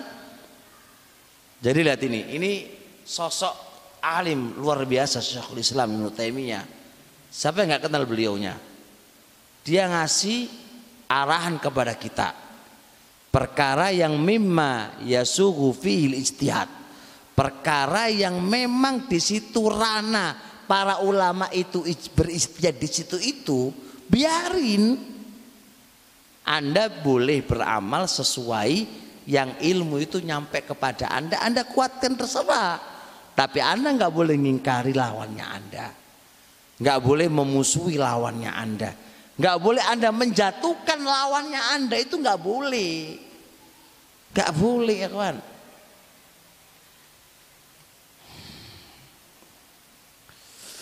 Taib, misal contoh kayak pakai jam, ada yang pakai jam sebelah kanan, ada pakai jam sebelah kiri. Kira-kira masalah apa ini? Ijtihadiyah atau masalah khilafiyah? Ayo, masalah apa ini? Kita langsung mudah ini ini dalilnya mana sih kalau Nabi itu pakai jam? Kan, kan? Nabi nggak ada jam zaman dulu. Jadi ini orang pakai kiri pakai kanan ya karepmu lah ngono urusan ngono orang sih ketengkaran. Walaupun saya condong secara pribadi anak itu pakai kanan pribadi saya. Kenapa? Karena pakai umumnya dalil. Karena Rasulullah yu'jibuhu tayammunu fi tana'ulihi wa tahurihi wa wa fi sya'ni kullihi Rasulullah itu sewenang mendahulukan yang kanan dalam semua urusannya. Nah ini tangan kanan ini juga urusan. Ada lagi masalah baru. Kalau dia pakai jam tangan apa harus pakai tangan kiri? Kan nggak boleh satu. Itu dibahas oleh para ulama. Gitu loh kan. Coba kalau itu pakai dua lucu enggak ya? Kenapa kalau pakai sandal satu nggak boleh kan? Karena nggak boleh sandal satu. Harus dua kan? Iman itu melepas. Nah kalau pakai jam tangan satu biye. Itu ada khilaf itu. Dan ada yang mengatakan, ada yang mengatakan disamakan kayak bawa sandal. Berarti kalau bawa sandal siji ora oleh. Berarti nggak sandal luru. Berarti nggak jam siji ora oleh. Harus jam lo, jam luru. Ada yang mengatakan lagi, ada yang mengatakan lagi enggak beda katanya. Kenapa kok beda? Karena ini secara urfan diikat secara uruf. Secara urfan orang yang bawa jam 2 di tangan satu kanan dan di kiri itu yang gendeng. Nah, dan orang pakai sandal satu itu yang gendeng. Kalau orang ya ya ya apa enggak? Nah, jadi tolak ukurnya adalah uruf. Orang kalau ke mana-mana bawa sandal satu pak itu gendeng pak. Tapi ketika dia bawa jam tangan satu di tangan kanannya nggak gendeng pak, itu normal, itu normal. Maka dari sini sebagian berpendapat itu secara urfan kembali ke uruf. Yahi, saya itu ngajar bidayatul mujtahid hari-hari itu khilaf. Setiap kali baca itu khilaf khilaf. Jadi sudah capek istilah masalah akhirnya di otakku sudah capek gitu kan. Jadi jadi kita itu harus harus harus paham masalahnya itu harus paham.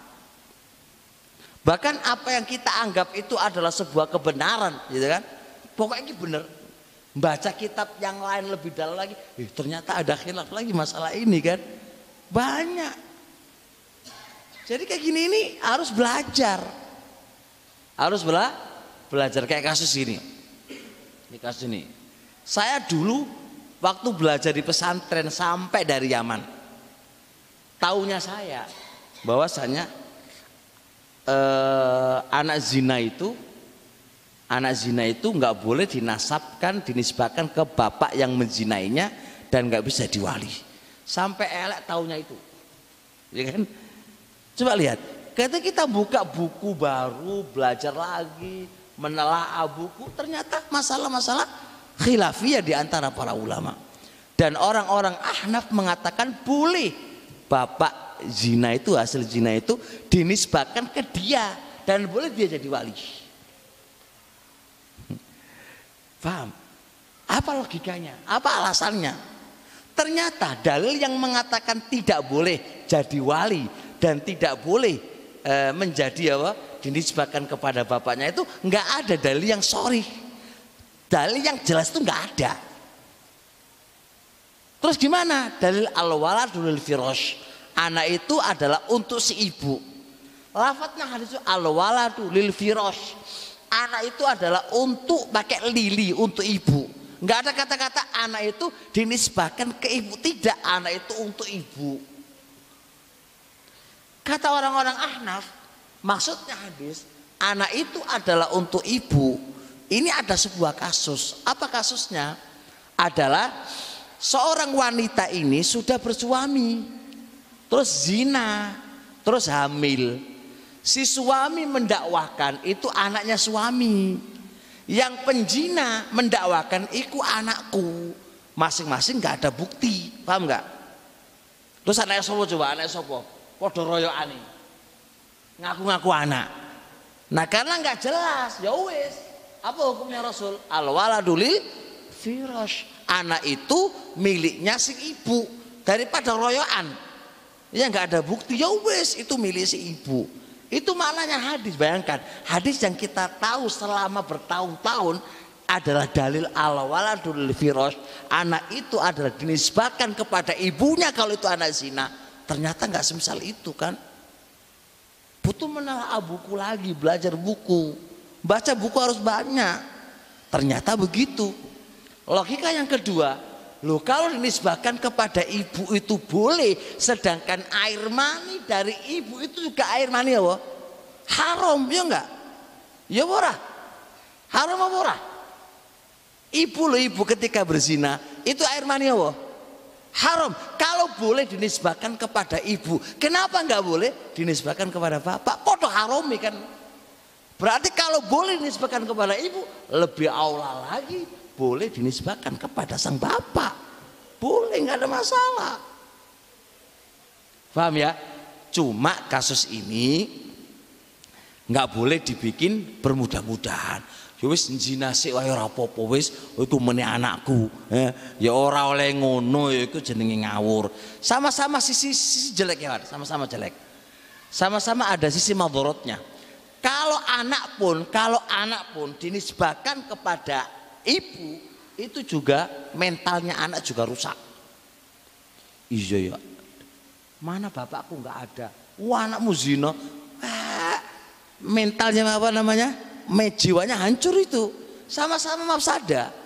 Kalau kita katakan itu bapakmu walaupun itu hasil zina itu juga ada mafsadanya. Sama-sama mafsada. Sampaiin aja sesuai dengan ilmu sar syariahnya dengan tanbi tetap zina itu hukumnya ha, haram. Karena kok hukumnya halal hukumnya dosa. Tapi kalau andai kata itu adalah benar-benar anakmu dari hasil zina tetap itu dinisbahkan kepada Anda dan Anda boleh menjadi wali walinya di dia. Harus belajar masalah khilafiyah ya kawan. Mau rame gara-gara ini. Tapi ini nggak berlaku di Indonesia. Indonesia itu madhabnya apa? Madhab syafi'i dan madhab syafi'i nggak boleh. Artinya artinya sudah mau ya? Menit lagi. Ayo. Jadi paham keadaannya tadi ya? Apa keadaannya tadi? Masalah ijtihadiyah ojo kok gara tukaran. Jangan kau bertengkar gara-gara masalah ijtihadiyah. Legowo dan itu kaidah yang harus dipahami oleh seorang-seorang muslim mau beramal dengan amalan ini monggo. Mau beramal amal tuh monggo. Masing-masing dalil tentang itu itu nggak ada yang jelas. Karena nggak ada yang jelas ya udah beramal masing-masing ilmu yang sampai kepada kepada dia. Taib sudah mau? Kita mau lanjutkan lagi. Kaidah yang ke-9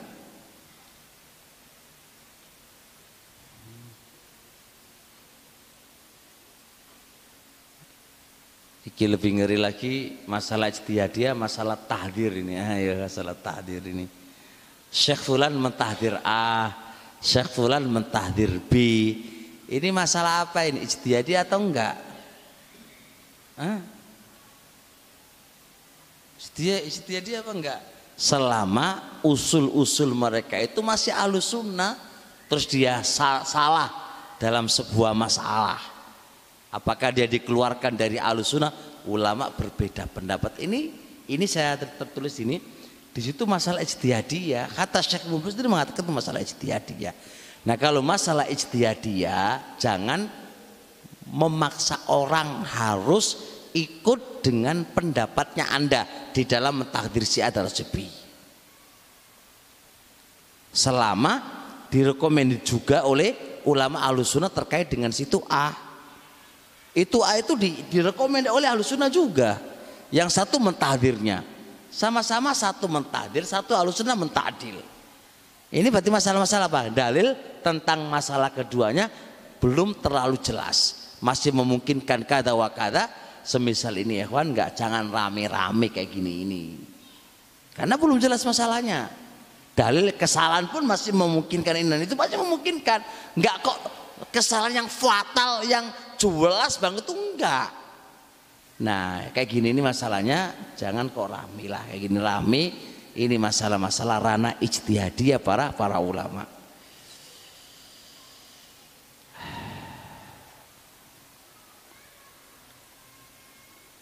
Baik ya, kaidah yang kesembilan. Kalamul akroni qad yukbalu illa idza laha fihil baghyu. Kalamul akron. Kalamul akron itu eh, apa namanya? Eh, apa namanya? Masalahnya akron itu adalah teman sebaya. Teman sebaya satu perguruan eh, terus saling tahdir mentahdir ini namanya kalamul akron. Satu kampung, satu pesantren, belajar sama-sama satu guru. Ini namanya kalamul akron. Ternyata setelah itu saling tahdir mentahdir. Maka kaidahnya kot yukbal. Terkadang tahdirannya, kritikannya itu bisa diterima. Kecuali kalau nampak di dalamnya itu pelampauan batas. Kalau ocehannya atau komentarnya itu kelihatan ini melampaui batas, maka nggak diterima. Berarti ada sesuatunya, Pak. Tapi kalau komentar tadi wajar-wajar aja, wajar dan memang real kenyataannya begitu, maka bisa diterima. Ya mungkin satu masjid saling komentar, satu kampung saling komentar, saling tuduh menuduh, saling tadir mentadir. Ini namanya kalamul akron, komentar sebaya, komentari konco, komentari podo murid, komentari podo ustad. Ini jenenge komentar pak, itu bisa diterima, bisa diterima kecuali kalau komentarnya itu nampak di situ unsur balas dendam, pelampuan batas. Ini baru nggak bisa diterima. Ini kaidahnya. Taib. Dan ingat, kalamul akron, kalamul akron itu biasa munculnya karena hasad. Kita ini, kalamul akron itu biasa muncul karena hasad. Gara-gara hasad lalu muncullah komentar. Tak tunjukkan apa alasan saya. Kota ada berkata, kota ada berkata, ini semua ada bukunya dan bukunya sudah di bagi-bagi antum dan marocinya ada. Berkata Imam Kota ada Ibnu Di'ama. maka surat an-ni'matu ala kaumin tidaklah nikmat itu banyak melimpah kepada suatu kaum. Tidaklah nikmat itu melimpah kepada suatu kaum illa kathurat a'da'uha. Kecuali akan banyak musuh-musuhnya. Bisa dipahami? Semakin banyak nikmatnya dia semakin banyak musuh-musuhnya yang hasad kepadanya. Real kenyataannya begitu apa enggak nah itu koncom itu si A itu duitnya akeh bisnisnya masya Allah maju. Iya kan? Bisa beli ini ini ini. Delok mari ngono. Tetangga tetanggai lak bodoh memusuhinya. Dulu pondok merintis nggak ada yang komen nggak ada yang bantu nggak ada yang apa. Wis gede pondok eh nih lihat. Wis podo ngaku kabeh ya podo iri kabeh podo ngaku kabeh podo memusuhi. Itu itu itu sunatullah. Jadi tidaklah melimpah sebuah nikmat kepada kaum atau kepada orang kecuali pasti dengan sebab melimpahnya nikmat itu banyak musuh dua ucapan Imam Ahmad rahimallahu taala dalam kitab Siar kata Imam Ahmad i'lamu rahimakumullah. Sudah adzan ya? Cukup dulu berarti? Salat dulu ya? Salat dulu. Subhanakallahumma hamdik assalamualaikum warahmatullahi wabarakatuh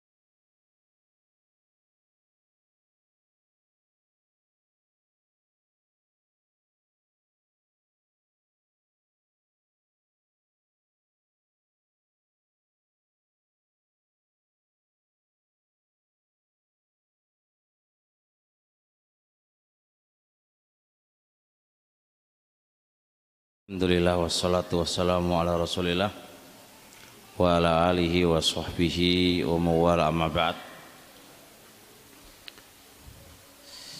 kita masuk pada kaidah keberapa tadi mas? kaidah ke-9 apa bunyi kaidah ke-9-nya? Hah? Antum Pak, gimana punya kaidah sembilan itu? Hah? Komentarnya siapa? Hah? Kalamul Akron ya, komentarnya Akron, apa itu Akron? Ya teman sebaya, satu pondok, satu guru, satu masjid, satu yayasan, itu namanya Kalamul Akron Diterima atau enggak komentarnya? Terkadang diterima. Kapan enggak diterima? Kalau terlihat di situ pelampuan batas. Kalamul akron itu biasanya muncul karena apa? Karena hasad. Karena deng dengki. Apa itu definisi dengki? Apa definisi dengki? Dengki itu kata Syekhul Islam Ibnu Taimiyah dalam kitab Amrodul Qulub wa Shifa'uha dengki itu memiliki tiga tingkatan, dua tingkatan. Tingkatan pertama adalah mujarrodu karohiyati mujarrodul karohiyah sekedar nggak suka kalau dia mendapatkan nikmat itu itu namanya dengki. Ini tingkatan pertama Pak. Ringan. Tingkatan yang kedua adalah naam eh, as-sa'yul izalah. Berupaya menghilangkan nikmat yang ada padanya. Itu berupaya bagaimana caranya nikmat itu bisa hilang ini lebih parah lagi. Nah, ini namanya ha, hasad. Jadi kita kalau nggak seneng temannya dapat nikmat dari Allah, nggak seneng pak. Itu namanya hasad. Nggak seneng kalau ustadz itu kalau ngaji banyak yang hadir gitu kan nggak seneng. Ya, penyakit ini penyakit tidak hanya orang awam aja, hatta penuntut ilmu pun kena penyakit penyakit hasad ini. Nah, kalau sudah muncul hasad, apa yang terjadi? Komen, komentar, komentar. Jelas kalau sudah muncul awalnya itu hasad, apa yang terjadi? Muncul setelahnya kalam, komentar. Si A, si B, si C, komentar cari aja kekurangannya, cari kesalahannya dan seterusnya. Taib. Imam Ahmad berkata, beliau menjelaskan begini, "I'lamu rahimakumullah." Ketahuilah semoga Allah merahmati kalian. Anar rajula bahwasanya seorang laki-laki min ahlil ilmi dari ahli ilmi. Ada seorang laki-laki dia ahli ilmi. Idza manahallahu syai'an minal ilmi apabila Allah berikan kelebihan kepadanya sesuatu dari ilmu. Allah kasih kelebihan Masya Allah hafalannya mungkin usul fikihnya mungkin istinbat hukumnya mungkin sardul adilah mendatangkan dalil itu Masya Allah luar biasa. Atau ceramahnya wena atau yang lain kan. Allah kasih dia. Wa harramahu qurana'ahu wa ashkalahu. Tapi Allah tidak berikan nikmat ini kepada teman-temannya dan orang-orang yang semisal dengannya. Allah nggak kasih. Allah nggak kasih. Paham? Apa yang terjadi? Hasaduhu. Mereka langsung hasad kepadanya setelah hasad apa yang terjadi? Faromauhu bima laisa. Lalu mereka menuduh kepadanya apa-apa yang tidak pernah dia lakukan. Dan itu konsekuensi. Kalau sudah hasad, kalau sudah hasad, pasti ada poin kedua setelah hasad. Apa itu? Menuduh apa-apa yang tidak pernah dia lakukan. Dia akan cari kesalahannya. Mana kesalahan? Bahkan kesalahan yang tidak yang tidak termasuk kesalahan itu dicari-cari, dicari-cari. Hmm, nih kesalahanmu. Padahal tidak kesal kesalahan. Kenapa ini awalnya? Karena awalnya ha, hasad. Karena hasad. Kenapa kok hasad? Kenapa Allah kasih dia nggak kasih kami kan itu kan? Kenapa Allah kasih kelebihan dia dan Allah nggak ngasih kami itu kenapa? Harusnya kan oh, ngeritik Allah kan gitu kan. Kenapa dia sendiri dikasih kok malah dia yang, di, yang dimarahin kan? Harusnya kan marahin Allah kan. Loh, hamba yang dikasih oleh Allah itu hanya hanya apa? Hanya hanya musabab, hanya sebab saja. Dia itu hanya akibat saja yang ngasihkan Allah. Tapi kenapa kok di dihantam? Bung itu hanya sekedar akibat saja. Kalau pengen hantam hantam Allah lah gitu kan. Tapi nggak berani hantam Allah kan? Kenapa ini loh? Ini penyakit ya kan penyakit. Nah, kata lihat wa bi'satil khoslatu fi ahlil ilmi. Sifat ini amat jelek kalau dimiliki oleh ahlul ilmi amat jelek jelek banget Sifat ini kalau dimiliki oleh seorang ustadz, seorang ahli ilmi yang ngaji, jelek banget. Tapi bisa dipahami? Jadi kenapa kok muncul tuduhan, kritikan, komentar dari teman-temannya? Karena apa? Karena ha, hasad. Jangan-jangan itu oleh bantuan, aku kok oleh bantuan kritikan cari-cari bantuan apa dikritik bantuan bid'ah hizbiyah. Alah komentar panjang. Ujung-ujungnya coba kalau dikasih bantuan ke dia mau nerima. Cuma karena nggak nggak datang ke dia aja gitu sehingga cari komentar-komentarnya itu. Nah berkata Ibnu Rajab rahimallahu taala dalam kitab Lataiful Ma'arif. Halaman 57 wa ma zalatil fadailu idza dhaharat tuksadu. Wa ma zalat dan terus menerus al fadailu kelebihan-kelebihan itu. Idza dhaharat apabila kelebihan-kelebihan itu nampak pasti maka pasti tuksadu didengki pasti itu semakin keutamaan muncul, kelebihan muncul, ikut sukses duitnya akeh, anaknya akeh, anaknya sih bojone akeh gitu kan.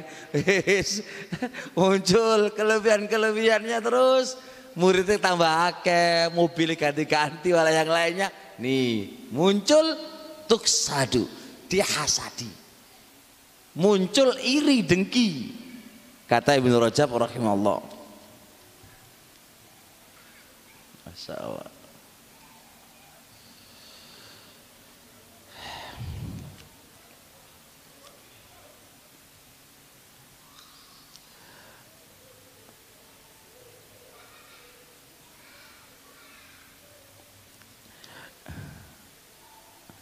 Kemudian berkata Imam Zahabi rahimallahu taala dalam kitab Mizanul I'tidal Juz 1 halaman 111 Kata beliau Kalamul akroni Ba'duhum fi ba'din La yuba'u bihi. Kalamul akron Komentarnya Teman-teman sebaya Konco-konco ini dewi Ba'duhum fi ba'din Komentar mereka terhadap komentar mereka terhadap sebagian yang lain la yu'ba'ubi tidak terlalu jurusin tidak di tidak dilihat diabaikan. La siyama lebih-lebih. Idza la halaka annahu li adawatin au li madhabin au li hasadin. Lebih-lebih kalau komentar itu muncul karena permusuhan atau karena beda madhab atau karena hasad. Ya antum lihat aja ini komentarnya karena apa ini? Kok koncone kok dihabisin dewe iki si ata ata delok sih. Antum antum harus cermat. Kenapa ini koncone dewe kok ngabisin koncone? Ini lo konco akrab awalnya terus begini kok ngomentarin terus menghabisin delok sih. Ini karena apa ini? Karena permusuhan. Ya mungkin ada kesalahan dikit lah, tapi diperbesar gitu kan. Ya namanya permusuhan nggak seneng atau karena beda madhab atau memang karena hasad nggak dikasih jabatan atau bagaimana itu kan masalah karena dia nggak dikasih jabatan lalu dia komen dia langsung hasad nah gak komentar lihat. Ini karena apa ini? Apa karena nggak dikasih jabatan? Atau karena apa? Gak, gak usah lah ngomong langsung aku tak komentari karena aku gak dikasih jabatan. Nggak mungkin ngomong gitulah. Nggak mungkin. Nah, dilihat aja masalahnya. Makanya kalau mau akron itu rata-rata tidak perlu ditoleh. Apalagi kalau masalahnya itu jelas banget. Komentarnya itu munculnya karena permusuhan atau beda madhab atau karena hasad. Wa ma yang juminhu ilaman asamahullah. Dan tidak akan selamat dari penyakit-penyakit ini. Kecuali hanya orang yang Allah jaga Maknanya berarti manusia tidak lepas dari penyakit ini. Sampai bahasanya dan tidak akan selamat. Itu berarti apa? Rata-rata manusia itu terjadi dengan masalah ini. Rata-rata manusia itu jatuh di dalam masalah ini. Sampai dibahasakan tidak akan selamat kecuali orang yang Allah jaga. Itu berarti rata-rata manusia terjerumus dalam masalah ini. Kita lihat wa ma alimtu anna asron minal asari salima ahluhu min dalik. Saya belum pernah mendapatkan suatu masa dari masa-masa yang penduduk masa itu selamat dari penyakit ini. Lihat bahasanya. Tidaklah aku mengetahui dari masa dari masa ke masa orang yang selamat penduduknya selamat dari penyakit ini. Saya belum pernah dapatkan. Ilah kecuali para ambia dan para sidikin orang-orang yang jujur. Dewek duduk nabi, dewek duduk sidikin. Berarti apa? Kena penyakit, penyakit ini ya mimpi yang kena ini penyakit kan gitu kan. Gak akan selamat Evan dari penyakit ini kecuali dua orang toh yaitu sifatnya nabi dan sidikin berarti kalau kita tidak nabi dan kita tidak sidikin berarti apa rata-rata munculnya karena ini nah berarti komentar kita kepada si A komentar kita kepada si B apalagi kita itu enggak orang-orang sidikin orang-orang takwa orang apa udah bisa diprediksi. Ini karena apa? Karena apa? Hawa nafsu ya kan? Karena tersakiti karena hasad karena apa itu udah. Nah kata beliau walau syi'ta lasaratu min dzalika karorisa kalau anda ingin saya akan datangkan perlembar-lembar perlembar-lembar kasus dari masa ke masa terjadi permusuhan semisal ini ujung-ujungnya karena hasad ini real nyata gitu kan. Real nyata dari masa ke masa. Dan tidak akan selamat kecuali para nabi dan para sidikin. Ingat-ingat ini. Ini yang ngomong Dhabi loh. Yang ngomong Imam Dhabi bukan aku, aku cuma terjemahkan toh.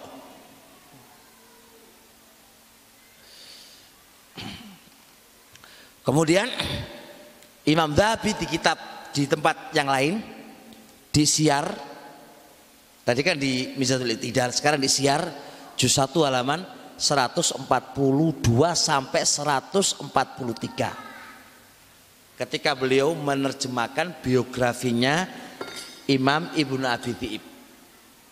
Imam Ibnu Abi Dhi'ib ini punya masalah dengan Imam Malik. Karena hasad. Bayangkan ini. Terjadi Imam Malik sama siapa? Imam Ibnu Abi Dhi'ib. Imam Ibnu Abi Dhi'ib itu ngomentari Imam Malik. Wah luar biasa. Terus siapa kita dari Imam Ibnu Abi Dhi'ib? Toh terjadi yang demikian itu komentarnya kepada Imam Malik. Sama-sama imam. Siapa yang nggak kenal dengan Imam Ibn Abi Dhi'ib? Ma'ruf. Nggak butuh disebutkan biografinya. Ma'ruf, imam besar. Di masa Imam Malik. Termasuk ulama kota Madinah. Terjadi hasad antara beliau dengan apa? Imam Malik. Masya Allah. Kesimpulan kata beliau. Dengan ini Dengan komentarnya Imam Ibnu Abi Dzib kepada Imam Malik, wala naqasat jalalatu malikin. Kemuliaan Imam Malik gak turun walaupun dikomentari oleh Imam Ibnu Abi Dzib. Naam.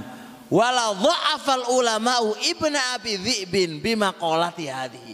Dan para ulama juga tidak melemahkan Ibnu Abi Dzib dengan dia komentar kepada Imam Malik ya sudah selesai urusannya. Nggak usah ditolak kan gitu kan? Ya tengkar tengkar selesai. Ojo ojo ojo jaluk bolo.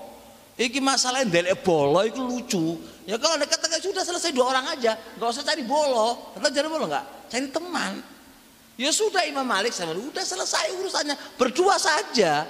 Dan alhamdulillahnya para ulama juga tidak melemahkan Ibnu Abi Dhi'ib dan juga tidak mendaifkan Imam Malik rahimahullah taala. Selesai berdua ojo cari bolo. Indonesia ini sering sering cari apa? Cari bolo cari konco. Untuk jadi teman musuhi konco ini dewe ini apa ini gini ini modelnya? Maka cari bolo guru dihentei ini tambah lebih nguri lagi. Cari teman untuk nguliti konco ini nguliti guru ini ilmu tekondi ilmu tekondi. Kan takwa kepada Allah ya kan hati-hati di depan kita surganya neraka ini. Hati-hati. Kemudian terjadi juga masalah. Disebutkan dalam kitab siar juz 5 halaman 275 di biografi Kotada. Kotada Ibnu Di'ama punya masalah dengan Yahya Ibnu Abi Kathir. Sama-sama imam. Kotada Ibnu Di'ama imam Yahya imam. Masya Allah ya kawan. Terjadi masalah. Yuk nggak ada orang melemahkan kota ada, juga nggak ada yang melemahkan Yahya. Sudah biarin selesai dua orang. Terjadi juga pada Makahul dan Roja ibnu Hawa. Makahul, imam dari kalangan tabi tabiin ya, Makahul punya masalah dengan Roja ibnu Hawa. Sama-sama imam. Sama-sama imam. Terjadi masalah hasad. Terjadi. Terjadi lagi Ibnu Mangda. Pengarang kitab Ibnu Mangda itu ma'ruf Sallallahu Ibnu Mangda punya kitab usul menusul Ibnu Mangda. Dan terjadi Abi Nuaim Alasbahani. Abu Nuaim Alasbahani punya masalah dengan Ibnu Mangda. Masya Allah. Tambah lagi Said Ibnul Musayyab mertuanya Abu Hurairah punya masalah dengan Ikrimah. Sama-sama di masa tabi'in punya masalah.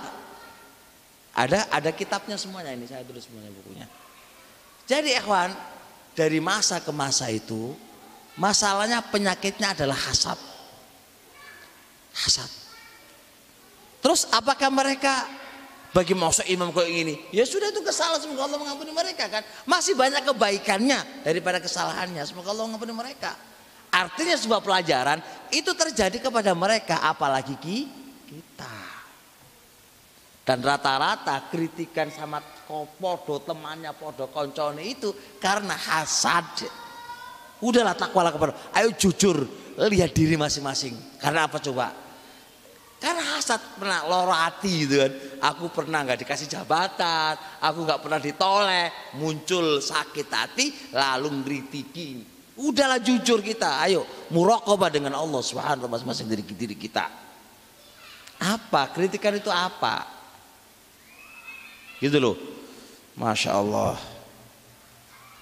Sampai di sini insya Allah sudah selesai di koida yang ke-9 dan ini data bukunya ada dan e, referensinya ada semua real bisa dibaca di kitab-kitabnya para ulama insya Allah kita akan lanjutkan koida ke-10 insya Allah ta'ala besok pagi insya Allah kajiannya judulnya adalah e, ternyata selamatnya hati dari penyakit itu adalah penghuni surga.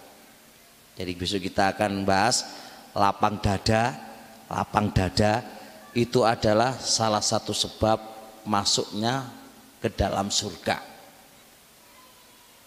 Judulnya antum antum bikin judul menarik gak? Yang penting makna yang ngono lah. Saya besok-besok pagi punya punya tema itu insya Allah taala. Lapang dada adalah lapang dada itu luas dadanya gitu kan sak meter rong meter loh dadanya itu salah satu sebab. Nah dan dia itu sifatnya penghuni surga eh, selamat dari api neraka dan seterusnya itu insya Allah temanya itu. Subhanakallah hamdik assalamualaikum warahmatullahi wabarakatuh